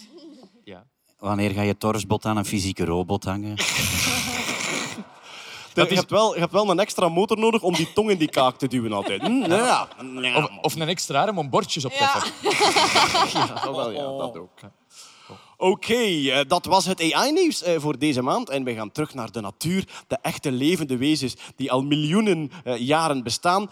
Peter, ja, alweer heeft de entomologie de wereld verblijd met een nieuwe ontdekking. Ja. We weten eindelijk waarom insecten rond lichten blijven hangen. Ja. Alsof we dat nog niet wisten, hè? Maar, Ja, maar, maar er, zijn, ja, er zijn inderdaad wel een hele hoop theorieën rond. Hè? Zelfs de Romeinen wisten al dat je eh, dat insecten op een kaars of op haardvuur afkwamen. Dus eh, Ja. zo lang zijn we daar al mee bezig. Ja. Een van de theorieën die ik vaak gehoord heb was... ze oriënteren zich op de maan en ze denken dat ze naar de maan vliegen. Ja, dat is er eentje. Een ander is ook dat ze ehm, ja, inderdaad dus, eh, eh, de maan als kompas gebruiken. Een ander is dat ze dat als een ontsnappingsroute gebruiken door het gebladeren. Dus ze zoeken dan zo van die lichte, lichte plekken tussen de bladeren door en daar vliegen ze dan op af. Ehm, een ander zou zijn dat ze eigenlijk gewoon op de warmtestraling afkomen. Een lamp geeft ook, hè, zeker eh, gloeilampen, dat geeft warmte af. En ehm, het ander is dat ze eh, verblind geraken. En dat Maar ze ze- eigenlijk dan gewoon wat beginnen rond te vliegen en uiteindelijk gewoon rechtdoor recht naar die lamp aan. Ze komen ook op ledlampen af. Ja. Dus dan is het niet door de warmte, Ja. weten Nee, we maar dan, dan dacht men dat is eh, verblinding. Hè? Ah ja. Ja. Maar nu is er nieuw onderzoek en die zegt nee, het komt hierdoor. Ja, ze proberen hun rug naar het licht te draaien. Oké. Dus insecten moeten zich op een of andere manier proberen te oriënteren van ehm, hoe, hoe, hoe vlieg ik, hè? Hoe, hoe, hoe oriënteer ik, hoe bepaal ik mij ten opzichte van de zwaartekracht? Ja. Hoe sta ik ten opzichte van het eh, oppervlakte van de aarde? En ja, heel logisch lijkt, ik pak gewoon de bovenkant is de zon. Dus dat staat dan, de hemel is de bovenkant. En dus ik draai mij altijd met mijn rug naar de bovenkant. Overdag de zon, s'nachts de maan. Maar als je dan een lamp hangt, dan draai je een rug ook naar die lamp. En daarom maken die die cirkeltjes rond de Ja, lamp. dus, en je hebt dan... Wacht, ja, voilà. Dan heb je hier die drie dingen. De lamp zit aan de zijkant van de vliegroute. En dan gaat... Hier is het dus eh, vooral vlinders dan. Ze hebben, zien ze hebben, hier, het, eh, ze hebben het zien- met, eh, ze hebben het met libellen gedaan. Ze hebben het ook met nachtvlinders gedaan. Vooral met nachtvlinders dan. En wij, wij kijken nu naar de illustraties Ja, uit die publicatie. De illustratie, dus de meest linkse, is de lichtbron staat aan de zijkant van de vliegroute. En dan gaat het insect eigenlijk ehm, zijn rug een beetje draaien ten opzichte van de rechte, van de rechte as. Dan Dus maakt hij een rolmanoeuvre. Ja, die maakt een rolmanoeuvre, dus die begint zich te draaien met de rug naar de gloeilamp, dus naar de lichtbron toe. En zo gaat hij dus eigenlijk een draaibeweging maken en die spiraliseert eigenlijk de hele tijd rond, rond die lamp. En die kan dat niet helpen. Die zegt, lap. Kan dat niet helpen. Ja, ja, die wil, die wil ah, dat, dat is de bovenkant, dus ik moet, ik moet mij zo oriënteren. Maar ja, de hersenen van insecten zijn hele, hele ehm, eh, kleine computertjes. Hè? Dus Ja. op, op, op een paar ehm, sensoren Ja, moeten die en, afgaan. en, en we weten dat nu ondertussen ook wel, we hebben het al verschillende keren in de podcast gehad, bij sociale insecten zit daar wel een bepaalde vorm van leervermogen in en een bepaalde vorm van intelligentie. Maar dat heb je bij de andere, is dat nog niet bewezen. Dus dat is dan misschien al veel minder. Lichtdink is boven, rug, rug naar boven. Nee, wacht, even eh, het, het vorige terug. Ja. Ehm, en ze hebben dan gekeken van, oké, maar klopt die bewering ook wel? Maar, dus wat gaan we doen? Als we nu de lamp eens een keer naar boven hangen, dus de lichtbron aan de bovenkant, dan zie je dat die beesten dus inderdaad opwaarts gaan vliegen. Ah ja, dan gaan die, hoe heet dat nou weer bij het vliegtuig? Tilt? looping. Ja. Ja, dus wat zij, wat zij, noemen, zij noemen dat de dorsal flight response. Dus zij proberen het dorsaal naar de lichtbron De te rug keren. naar de het rug. licht. Ja. Ja. En dan heel rechts, als je dan de lamp aan de onderkant ziet, wat gaan die insecten doen? Die gaan gewoon op hun rug gaan en naar beneden. Geweldig. Ja. Maar wat dat ze ook zeiden bij dat onderzoek was, waarschijnlijk worden insecten niet zozeer aangetrokken door het licht, maar zijn het de passerende insecten die er niet meer weggeraken. Ja, het is, het is eigenlijk gewoon... Zij proberen zich te oriënteren en dan zitten die... Hoe zal ik het zeggen? Dat wordt eigenlijk een oneindige loop. Hè? Een loop, ja, in voilà. een loop, ja. Ehm, de, de volgende afbeelding... Kijk, dan hebben ze het geprobeerd. Eh, je moet eigenlijk het middelste, het middelste afbeeldingsje bekijken. Dus ehm, wat, ne- wat, wat wij entomologen doen, bijvoorbeeld als wij eh, nachtvlinders willen gaan verzamelen, ehm, je kunt dat doen door een grote witte doek eh, te spannen en daar gaat je een lamp projecteren. En dan komen die daar allemaal op af. Wat hebben deze onderzoekers nu gedaan? Ze hebben de lamp afgeblokt zelf, maar de straling op een doek op de grond laten komen. Dus zodoende dat de reflectie eigenlijk naar de bodem komt. Wat doen die insecten? Die gaan allemaal naar beneden. Dus die draaien zich op de rug en die vallen. En dan hebben ze het ook zo getest. De lamp weer al de lichtbron zelf afgeblokt, maar de straling laten, kijken, eh, laten schijnen op een doek aan de bovenkant. En die vliegen eigenlijk wel rechtdoor.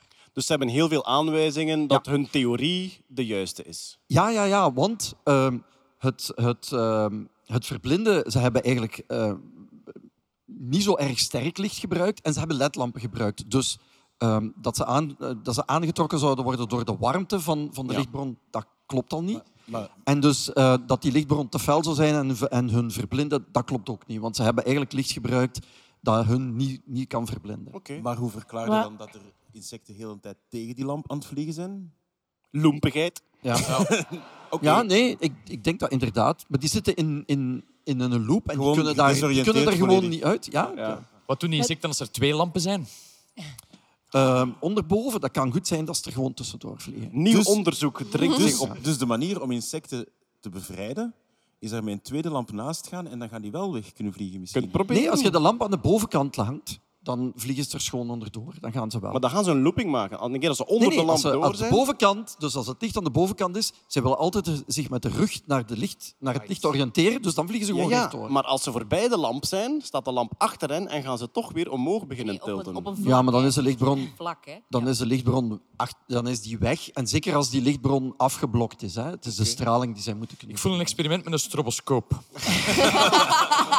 Ja, toen mij denken, ik ben ooit op bezoek geweest bij een unief in Amerika en die hadden op een levend insect, zo van gigagrote libel, lampjes geïnstalleerd en ze konden die telegeluid aansturen. Want als het één lampje aandeed, vloog dat beest naar links. En het andere lampje vloog dan naar rechts en je kreeg een levend beest dat je van op afstand kon manipuleren. Een beetje wij hebben dat creepy, met, maar... Wij hebben dat met die kakkerlakken nooit ook eens geprobeerd. Maar daar zit je dan natuurlijk met elektrische pulsen op die voelsprieten. Maar Ja, dit als is je Ja, hier iets was hier mijn licht. Hier is Ja, mijn ja. licht, ja, knap. cool. Er stond ook in dat blijkbaar die dorsal light reflex, dus het feit om je rug naar het licht te richten, dat vissen dat ook hebben. Dus sommige vissoorten zouden ook hebben, dus dat is wel cool. Dan kun je in de zee gaan zwemmen en dan zo gewoon een grote spot onderaan openzetten, dan gaan al die vissen vissen omdraaien en naar beneden komen. Ja.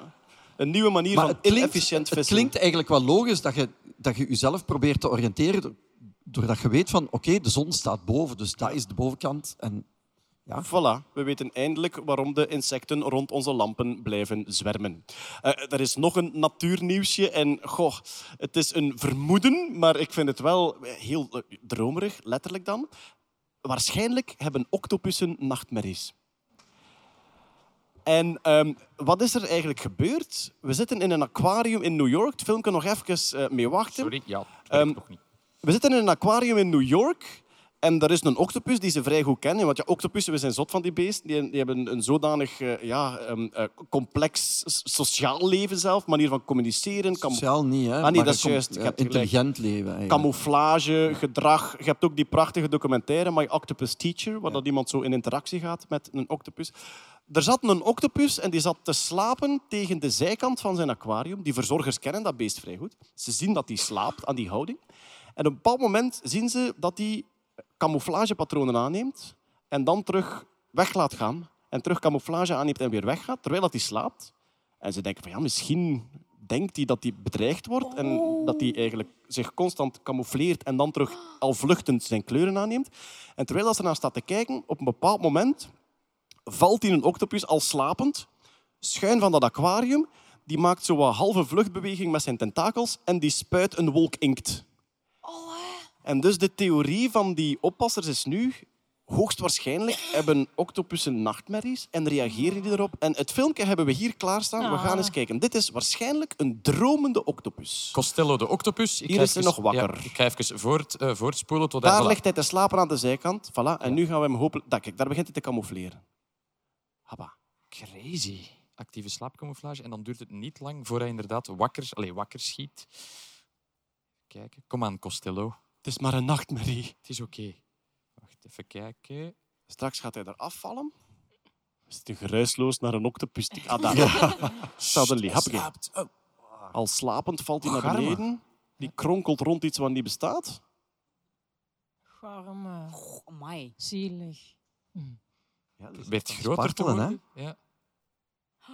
Hij beweegt toch sneller, hè? Ja, ja, ja. Gelijk wij in onze remslaap. En dan... Oh.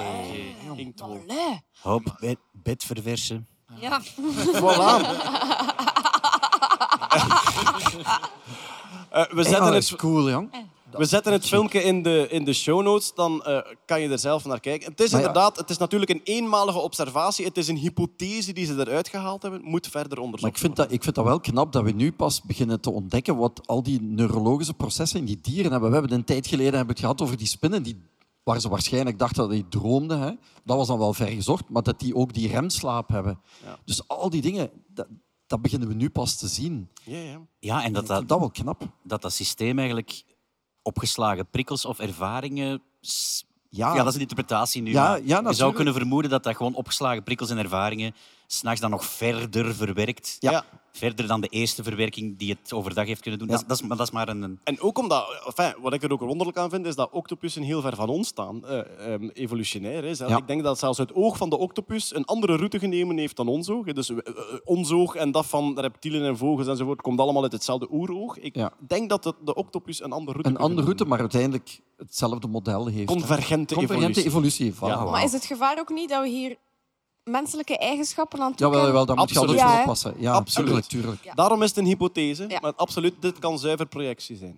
En het is ook maar één exemplaar. Hè. Ja, Eén ook- voilà. dus het is Eén enkel, test is geen enkel test. Costello, omdat hij in speciale omstandigheden leefde en ze die constant observeerden, Ja. hebben ze het kunnen, kunnen zien. Oké. Voilà, dan is het nu natuurlijk onvermijdelijk tijd voor... Silly. Silly. Silly. Convalley News. ik, had, ik, ik had bijna Con Carne gezegd. Maar... Zoveel beter dan de Musk-jingle, jongens. Oh, echt waar. Alright, Silicon Valley News. Wat is er allemaal gebeurd? Eh, we gaan toch beginnen met een Tesla-nieuwsje. Het lijkt erop dat Tesla af wil van de zeldzame metalen in de motoren. Klopt, ja. Tesla heeft aangekondigd dat zij in de toekomst geen zeldzame aardmetalen meer willen gebruiken in de nieuwe elektrische modellen. Ehm, er zit heel veel ehm, ja, zeldzame eh, metaalchemie hè, in, in elektrische auto's, in batterijen, noem maar op. Het gaat vooral in dit geval om eh, neodymium, lithium en kobalt. Ehm, ik heb onlangs een boek geschreven over chemie. Ehm, Hij heeft een boek over chemie! nee, nee. Wat een subtiele plug. Nee. Net uitgekomen. Ja, ja, Nu ja. in de winkel. Ja. En op de website. Ja. Nerdland.be. En hettihelsmortel.be. Hey, hey, hey. Nee, nee. en ik Ook van gewoon- chemie, het is chemie. Ik wil er even een, een tabel uit tonen omdat we kennen allemaal de, de tabel van Mendeleev met eh, de, de gewone rechthoekjes, waar dat elk element in eenzelfde eh, rechthoek staat. Een paar jaar geleden eh, is er een, een tabel van Mendeleev uitgekomen die zeer sterk vervormd is. Hè. Je ziet daar echt eh, zuurstof bijvoorbeeld neemt enorm veel plek in. Dit is een tabel die benadrukt hoe schaars elementen zijn op onze planeet. Hè. Zuurstof neemt heel veel plek in omdat het zeer veel voorkomend is. Het heeft daar ook een groene kleur omdat het niet bedreigd is. Omdat het is, er is heel veel van en we hebben op dit moment Bedreigde atoomsoorten. ja, absoluut. Absoluut, absoluut. Eh, ehm, helium bijvoorbeeld, daar helemaal rechtsboven, is zeer zwaar bedreigd. Hè. Helium is een zeer licht element. Het, het, het probleem is dat het gewoon ontsnapt uit onze atmosfeer. En een Tot keer in dat de ruimte, dat ja. weg is, is het gewoon weg. Maar Ja. wij hebben dat helium wel voor heel veel processen Het is nodig. al ontsnapt uit onze atmosfeer. Ja.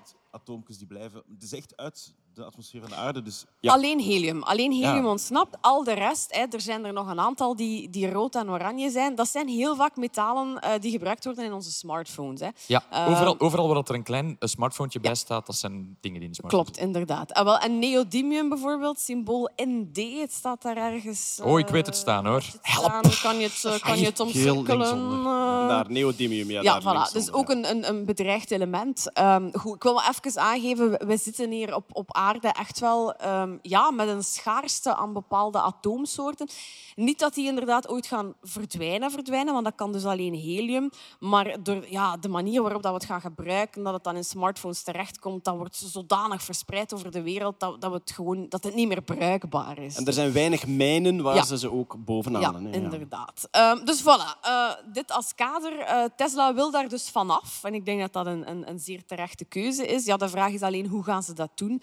Ehm, voor die elektrische motoren hebben ze ehm, permanente magneten nodig. Dus dat neodymium dat wordt eh, als magneet gebruikt. Je kunt dat ook kopen online. Hè. De, de, de sterkste magneetjes om mee te spelen, dat zijn die, die neodymium-magneetjes. en ze gaan nu kijken naar, mogelijk naar ferriet. Ferriet is een, materiaal, dat is een ijzeroxide met een beetje strontium in, een beetje barium in, een beetje nikkel in. Ehm, dat is een vermoeden, voor alle duidelijkheid. Maar wat we wel gezien hebben, is dat de ferrietkoers enorm, enorm gestegen is. Dus dat is echt, die kondigen iets aan, een idee aan en er begint direct speculatie over. Oké, Ja. oké, dat, dat zou dan misschien het nieuwe goud worden. Ehm ferriet kennen we allemaal. Dat, dat, zit al eh 50 jaar lang in de, de sluitingen van onze koelkasten. Dat, is, eh, dat, zijn, ja, dat zijn ferrietmagneten. Is dat FE, heet die? Nee, ferriet, nee, eh, ferriet is een, is een, is een mineraal. Ah, het is een mineraal, sorry. Fe is ijzer. Ja, Ja. wist ik. Nee. Ik. Raad eens wie er geen boek geschreven Nee, heeft over chemie. Dat- Zondagavond. nu praat jij ook alsof dat jij dat, die tabel hebt getekend, Jeroen. Zo. Ja. Dit is mijn tabel. Sferiet vind je trouwens ook als je zo'n kabel hebt, zo'n USB of een stroomkabel, en er zit zo'n dikke tube op. Ooit, dat is ferriet om eigenlijk interferentie tegen te gaan. Dat cilinderke dat, dat er cilinderke zit, dat ja. eraan hangt, dat is ook een ferriet. Ja. Ah, ja. Zeer makkelijk te maken, zeer makkelijk eh, te ontginnen. Het probleem is, het heeft op dit moment maar een tiende van de magnetische stootkracht van, eh, van neodymium. De vraag is, ja, gaan ze er ooit geraken? Ehm, maar ik wilde dat gewoon even duiden, omdat ik vind dat wel een belangrijk iets. Wij hebben heel veel technologie, we hebben heel veel elektronica. Wij gebruiken daar heel veel ja, dingen uit onze aarde voor die, die steeds zeldzamer en Die eindig zeldzaam- zijn ook, die eindig zijn. Die aarde is eindig. En eh, ik vind het een goede zaak ehm, dat daar aandacht voor is. Alternatieven. En al, inderdaad, ja, long shot, een tiende van de magnetische kracht. Maar als het lukt, is het een enorme gamechanger. Want het is, ja, ijzer, is, ijzer gaat niet rap opgeraken. En daar hebben we echt eh, met hopen van. En, en is dat een aankondiging of zijn er al eerste onderzoeken of eerste resultaten? Nee, de aankondiging was, wij willen af van die zeldzame aardmetalen en al de rest is speculatie. Er zijn elders al onderzoeken geweest. Ja, tuurlijk, ja. Er zijn elders al onderzoeken geweest, maar van Tesla concreet is niet geweten dat zij echt op, op een technologische track zitten om dat eh, allemaal te vervangen. Ehm, eh, ja, eigenlijk alweer een soort beursnieuws. Eh, Nvidia is, ik denk, was het nu vorige week of zo, zijn die opeens enorm gestegen. Als ik me niet vergis, was 30 procent. Op één dag, hè. Ja. 30% op één dag. Nvidia is de maker van grafische kaarten. Goed, ik kijk naar Jeroen en ik kijk naar Marian. Zijn er opeens enorm veel gamers bijgekomen? Nee, Nvidia heeft drivers gereleased voor hun grafische kaart waarin ze expliciet zeggen naast onze kaart beter maken met, voor de nieuwste Call of Duty en de nieuwste games, zijn we nu ook onze kaarten en onze software beter aan het maken om met Stable Diffusion te werken. Dat is een van die AI-generatorensystemen en dat is natuurlijk een enorme boom, want iedereen zit die kaarten op te komen om de volgende AI-dienst te maken. En dat, dat wordt als reden gezien, maar het is zeker... Stable Diffusion is trouwens hetgeen wat dat open source is, wat dat je Ja. zelf kunt installeren op je systeem. Dat is voor de knutselaars. Dat is DALI voor de knutselaars. Oké. Ja. En wat je ziet, die, die GPU's, hè, grafische processing units, die origineel waren die eigenlijk gewoon om beelden te renderen. Alleen de zeer sterke gamingcomputers hadden dat in het verleden. Maar nu worden die eigenlijk gewoon meer en meer gebruikt voor eender welke parallele workload. En een zeer parallele workload zijn neurale netwerken. Dus in uw gsm, in uw laptop, in al die toestellen zit nu een GPU. En Nvidia begint die ook meer en meer te tunen om, om die soort algoritmes efficiënter en beter te kunnen runnen. En tot eh, grote voordelen qua winsten en zo voor dat bedrijf. Dus, want die, die 30% was op één dag. En ik denk het voorbije jaar heeft dat bedrijf zijn stok al meer dan maal twee gegaan. Want, Dus want is- ervoor, was, ervoor was er wel een schaarste door heel de bitcoin-mining naar Juist, grafische ja. kaarten. En nu heb je dus nog hou al die gamers dat zo'n nieuwe grafische kaart wil. om Gewoon een keer een spelletje te spelen. Ja, voilà. Ja. Zwijg me ervan. Ehm, hoe verhoudt Nvidia zich ten opzichte van Intel? Intel is een chipmaker, Nvidia is een GPU-maker, of zeg ik het dan te simpel? Nee, Intel is een CPU-maker en Nvidia een GPU. En wat is CPU, Central Processing Unit, eigenlijk een processor voor eender welk algoritme, General Purpose Compute, Microsoft en Office. hè. Ay, Alle standaard algoritmes, zeer Mensen als ik kennen dat als dat zwart vierkantje midden in uw moederbord. Ja, maar nu zit er ook een GPU in. Ah ja, lap. ja. Terwijl Intel, eh, Intel maakt dus ja, gewone, gewone rekenunits die eender welke software kunnen draaien. En Nvidia maakt GPU's alleen voor zeer, zeer parallele workloads. Nu, Intel heeft op zijn chips ook wel een GPU zitten, maar lang niet zo krachtig als de GPU's van Nvidia. Dus die worden er nu vaak gewoon naast gezet om nog sneller te kunnen rekenen. En bij Meta, dus de, de eh, Facebook-eigenaar, bij Meta hebben ze nu een custom AI-chip. Dus die gaan chips bouwen speciaal voor AI. Wat is het verschil tussen die en zo'n eh, GPU? Ja, dus wat je ziet, die GPU's die zijn eigenlijk, waren initieel niet bedoeld voor AI. Die leken gewoon ineens goed te passen, maar die waren nog niet perfect om die AI-algoritmes zeer efficiënt uit te voeren. En wat dan meer en meer bedrijven beginnen doen, is ze beginnen nu echt processoren te maken die niks anders kunnen dan neurale netwerken zeer snel zowel trainen als gewoon ze uitrekenen. En het verschil is eigenlijk, een GPU gaat voor elke berekening nog altijd twee in- ingangen uit geheugen aan. Als je A maal B, dan haalt die A uit het geheugen, die haalt B uit het geheugen en die vermenigvuldigt die. Die neurale netwerken hebben dat niet nodig, want elke A en elke B die dan in je geheugen zit, moet voor heel veel berekeningen gebruikt worden. Dus die halen één keer op en die doen duizend berekeningen per keer. En die kunnen daardoor veel efficiënter rekenen. En, en wat je zag, vijf jaar geleden begon Google zijn eigen chips te maken. En die vervingen alle GPU's van Nvidia door hun eigen chips. Een paar jaar later, Amazon begon zijn eigen chips te maken. Allemaal bedrijven die nog nooit een chip hadden gemaakt, totdat die AI zo belangrijk werd. En Amazon Server Farm zit nu vol met Amazon Silicon. En nu Facebook, redelijk laat, vijf jaar later, maakt nu ook zijn eigen AI-trainingschips. Dat is de Meta AI-trainingschip hier. Sinds twee weken geleden of zo hebben ze dat aangekondigd. En het werkt redelijk. Het is te zeggen, GPU's doen het soms nog beter. Maar ze zijn ermee begonnen en ze willen dat nu verder verfijnen. En, en je ziet dat meer en meer van die traditionele softwarebedrijven beginnen gewoon eigen hardware te bouwen, omdat het zoveel verschil maakt. Maar jij gaat zoveel chipontwerpers moeten opleiden, echt- Allemaal komen. Ja, Is, nee. is uw aandeel al 30% gestegen? Want dat is toch zo... Allee, of vergis ik mij, als elk bedrijf dan zijn eigen dedicated chips gaat maken, dat er veel meer mensen nodig zijn die jij opleidt. Hè? Ja, maar je ziet dat er zijn er te weinig. En je ziet vooral in Silicon Valley, waar er lang, lang de softwaremensen gigantisch veel betaald en de hardwaremensen zo wat minder. En dat begint wel... Ha, ha, ha. Handen wrijvend kijkt Marianne naar de Ja. stok van de chipfabrikanten. Nerdland VZ2 geeft geen beuradvies. Ik vind wel dat we Nerdland chips moeten uitbrengen. Een Nerdland, Nerdland chips. Ja, maar dan echt chip. Vol- Volgend jaar het festival, Oh, hè? Nerdland ja. chips. Maar volgend jaar paprika in en plaats van het festival. Hè. Dus- ja, voilà. Ehm, dan eh, toch nog twee, l- eh, twee nieuwsjes uit de eh, Elon Musk-hemisfeer. Eh, Neuralink, hebben we al een paar keer vernoemd. Ja. Neuralink kan zo hele fijne draadjes, of wil hele fijne draadjes in de hersenen implanten om brain-machine interfaces te maken. Die hebben eh, vorige week toestemming gekregen van de FDA om proeven op mensen te gaan doen.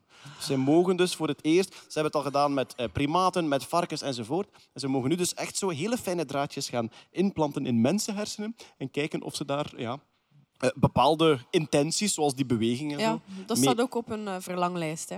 Hoe dat? hè? Die dwarslesie oplossen, dat is een van de dingen dat zij ook willen Ah, ja, proberen. ja, ja. ja. Ah, Ik dacht even, dat staat ook op mijn verlanglijst. Ja. Ah, nee, nee, En, eh, Ja, ja, ik ben gechipt En sinds jij wordt al aan het schrijven voor, uw verjaardag, voor haar verjaardag. Zo van, hoe, wat ga ik haar nu waar, waar kopen? haal ik dat? Is dat in een Carrefour? Ja, voilà. Je kunt er ook in Leuven vinden. Want we hebben ze daarnet gezien op Ja. het festival hier ook, in de Brainshow. Eh IMAC maakt ook dat soort hele fijne draadjes die als eh, brain-machine interface kunnen duren. Dus ja, dat, toch eh, kunnen dienen. Dus ook weer toptechnologie toch, hè, vanuit IMAC. Eh, Ja, ja, daar zijn ze al heel lang aan bezig. En, en, en ja, de clue is nu vooral zoveel mogelijk elektrodes op kleine oppervlakte. Dan kun je veel fijner neuronen uitlezen en dan die ruis zoveel mogelijk omlaag krijgen. Ja. Yes. Wel, als je Leuven binnenrijdt zo vanuit de autostrade dan, eh, en je komt vanuit de juiste hoek, dan op de rechterkant zie je zo'n heel groot Toren. gebouw en dat is IMEC. Dan moet je altijd even je hand uitsteken. Want het, eh, de complete karrevrachten aan hoogtechnologisch onderzoek die daar gebeurt, dat is eh, onwaarschijnlijk. Ja. Ja. Ik ben er al een paar keer binnen gemogen. Het is een speeltuin. Aan de andere kant ligt Arcadia, denk ik.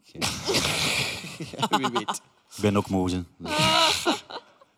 Er is ook een nieuwe Tesla-bot voorgesteld. Dat was niet toevallig op de aandeelhoudersvergadering van Tesla. Maar dus Tesla-bot, die huishoudrobot waar ze aan werken, heeft toch wel een serieuze upgrade gekregen sinds vorig jaar. Nog very, very um, experimental phase. Maar nu heeft hij ook eigenlijk, hij, heeft, eh, hij kan voelen. Dus als je er een ei onder legt, kan hij voelen dat ei zonder dat te breken. Dus hij heeft echt zo'n soort feedback waardoor hij zelfs eh, ja, de hele fragiele eh, voorwerpen ook kan vastnemen. Goed. Tot zover het Silicon Valley nieuws. Dat hebben we bij deze gehad. En dan is er ook nog nieuws waar we wel iets aan hebben in het dagelijkse leven. Namelijk Els Aarts. Dat klinkt als iets voor mij. Eh, Voilà. Dat is waar, dat. Eindelijk is onderzocht hoe we het best een kat kunnen roepen. Ja. Eh, Zijn er mensen hier met kattenroepmethodes aan tafel? Ik ben de standaard... Terwijl ik mijn vingers over elkaar eh, Hey, wrijf. Trouwens, in die studie bleek ook dat we dat verschillen, in verschillende talen op verschillende manieren doen. Dus wij doen misschien... Maar dan in, in Engeland doen ze dan... Ja, wel, meer of... wel, er is ontdekt inderdaad in de studie dat de die ik nu eh, eh, op een fantastische wijze aan het evokeren ben, dat die Frans-Belgisch is. En in Engeland en in Amerika kennen ze dat niet. En daar zeggen ze poes, poes, poes, poes, poes. Dus iets, dus- nee. iets Maar Frans- verbaler, ja. Maar lieve Frans, Frans is toch... Ah, petit chat. Mon, j'exige, j'exige que les chats ven- venons, komen naar mij. Ehm, eh, viennent. J'exige que- qu'ils viennent. Voilà. Enfin. Maar ik dacht, kattenfoto's. Go, Jeroen. Geen eh, probleemio. Wat is deze knappert? Dit is Dexipoes. Oh. dat is Dexter de kat. Dat is onze kat. Dat van is thuis. Ja. Kijk. Ja. Nog? Is, Mooie, eh, langharige, een Noorse boskat, denk ik. Ja, een, een Noorse... ehm dat? Bastaard. Noorse stratierkat, ja. Ja, ja. Ehm, Dexter is ook heel vocaal. Die praat heel veel tegen ons. Dus die is een hele tijd loopt hij thuis miauwend rond. En Echt? katten doen dat ook voor mensen alleen. Die spreken niet tegen elkaar met vocalen. Dus Ja. dat is een hele tijd... Dus die- heel Het schurend scharniertje. Ik, heel Met. Jos Ik, hoor hier precies nee, liever nee bij. Maar Dexter heeft ook wel... Als wij tegen hem praten, dan ziet hem er ongeveer zo uit. Oh. We zien een eh, kat met een soort hele relaxte, zwoele blik. Ja. En jullie die er naar aan het lachen Wij zijn. dachten, we zitten lekker in de zetel een drekertje. We gaan met de kat een keer een selfie trekken. Ja. Dat is, dat is echt zo van, laat me gerust. Oh yeah, baby. Ik ga dat laten staan. Ik vind dat goed. ja. Ja, ik vind het ook leuk. Enfin, als we dus toch graag willen dat Dexter naar ons luistert, wat moeten we doen? Ze hebben even, eh, Franse onderzoekers hebben uitgezocht. Doe je dat best met vocale eh, stimulatie? Doe je dat best met gebaren, met beide of met niets? Jeroen heeft uw micro recht gezet. Oh. Oh. Oh. Het was nog beter als Kurt het gedaan had. Hè. Oh, ik wil hier niet zijn. Hier gaat een bom ontploffen. Speel met vuur, jongens. Ik voel me nu zoals Dexter eruit ziet. Ja. Wat ik zou doen, dat is een keer wat software herinstalleren op zijn computer. Dat je zegt, oei, oei, oei, Jeroen. Oh. Oké. Fijn. Dus wat blijkt? Als je niks doet, als je katten negeert, krijg je superveel stress. Die kunnen daar niet tegen. Oké. Dat gaat niet. Dat is not compute. Ja. Oh, la. Ehm, en dan, ja, dan hadden ze gedacht van hè, vocaal of met gebaar. Uiteraard is het met beide. Dus als je doet en ondertussen Wrijft op je ja, vingers of wrijft zo. op je Of je hand uitsteekt. Ja. Of zo, kom, kom, kom, kom. Ja, Dan, dan heb je het grootste kans dat hij toch gaat stoppen met u te negeren. Hoewel, natuurlijk zijn katten, hè. Dus Ja, voilà. het kan ook zijn dat hij gewoon zoiets heeft van... Kiss my little hairy ass. Dat- Oké, ja, wel, ehm, ehm, inderdaad. De, de, als je een kat negeert, dan wordt hij gestrest. Ehm, die heeft graag even oogcontact als je binnenkomt. Als ze binnenkomt in een ruimte waar dat jij zit, heeft hij graag even oogcontact. En katten worden... eh, dan kun je een oogstje trekken naar je kat. Je kunt een knipoog geven naar je kat. Ja, ja, ja. Een, een knipoog van een kat wil eigenlijk zeggen... Ik ben hier al even in deze ruimte en er is geen gevaar. En dus... dat- dat- nee, dat echt waar. Je kunt dat merken. Dat moet is, dan dat moet is nu- dat ik dat uitleg aan vrouwen. Ja. Ik ben hier al even in deze gevaar.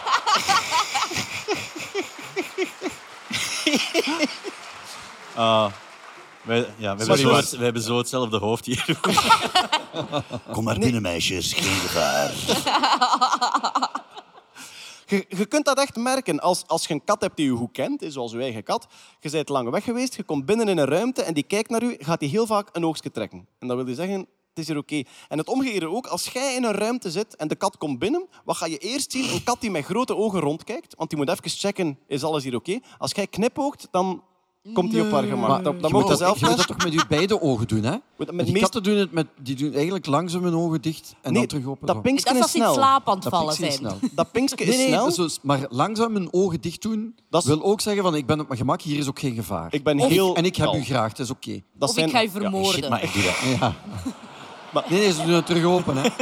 Want die ogen van die kat staan heel hard open. Ze. Ja, ja, ja. Met dat, met dat langzaam pinkske kun je een kat wel heel rustig laten worden. Je kunt zo naar een kat kijken en heel langzaam open en dicht pinken. Ja, en dan zie je dat die heel vaak zelf ook hun ogen dicht doen. Ja, ja, dat is wel inderdaad. Het begint ondertussen wel te lijken, Jeroen, alsof er een gat in het scherm zit en een gigantische kat achter de tent. Ik ruik mensenvlees. Straks komt de clown naar binnen zo. Wat dat ook blijkt trouwens uit dat onderzoek is... Is er nog plaats voor mij?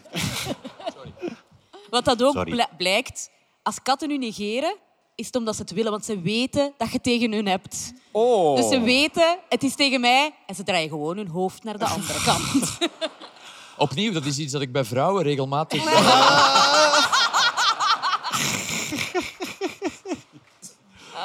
Voilà, kijk, eh, zeer belangrijk onderzoek. We weten hoe we het beste een kat kunnen roepen. Korte dingetjes nog.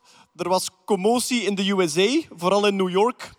Toen bleek dat self-checkout-apparaten in de supermarkt een fooi vroegen. Nee.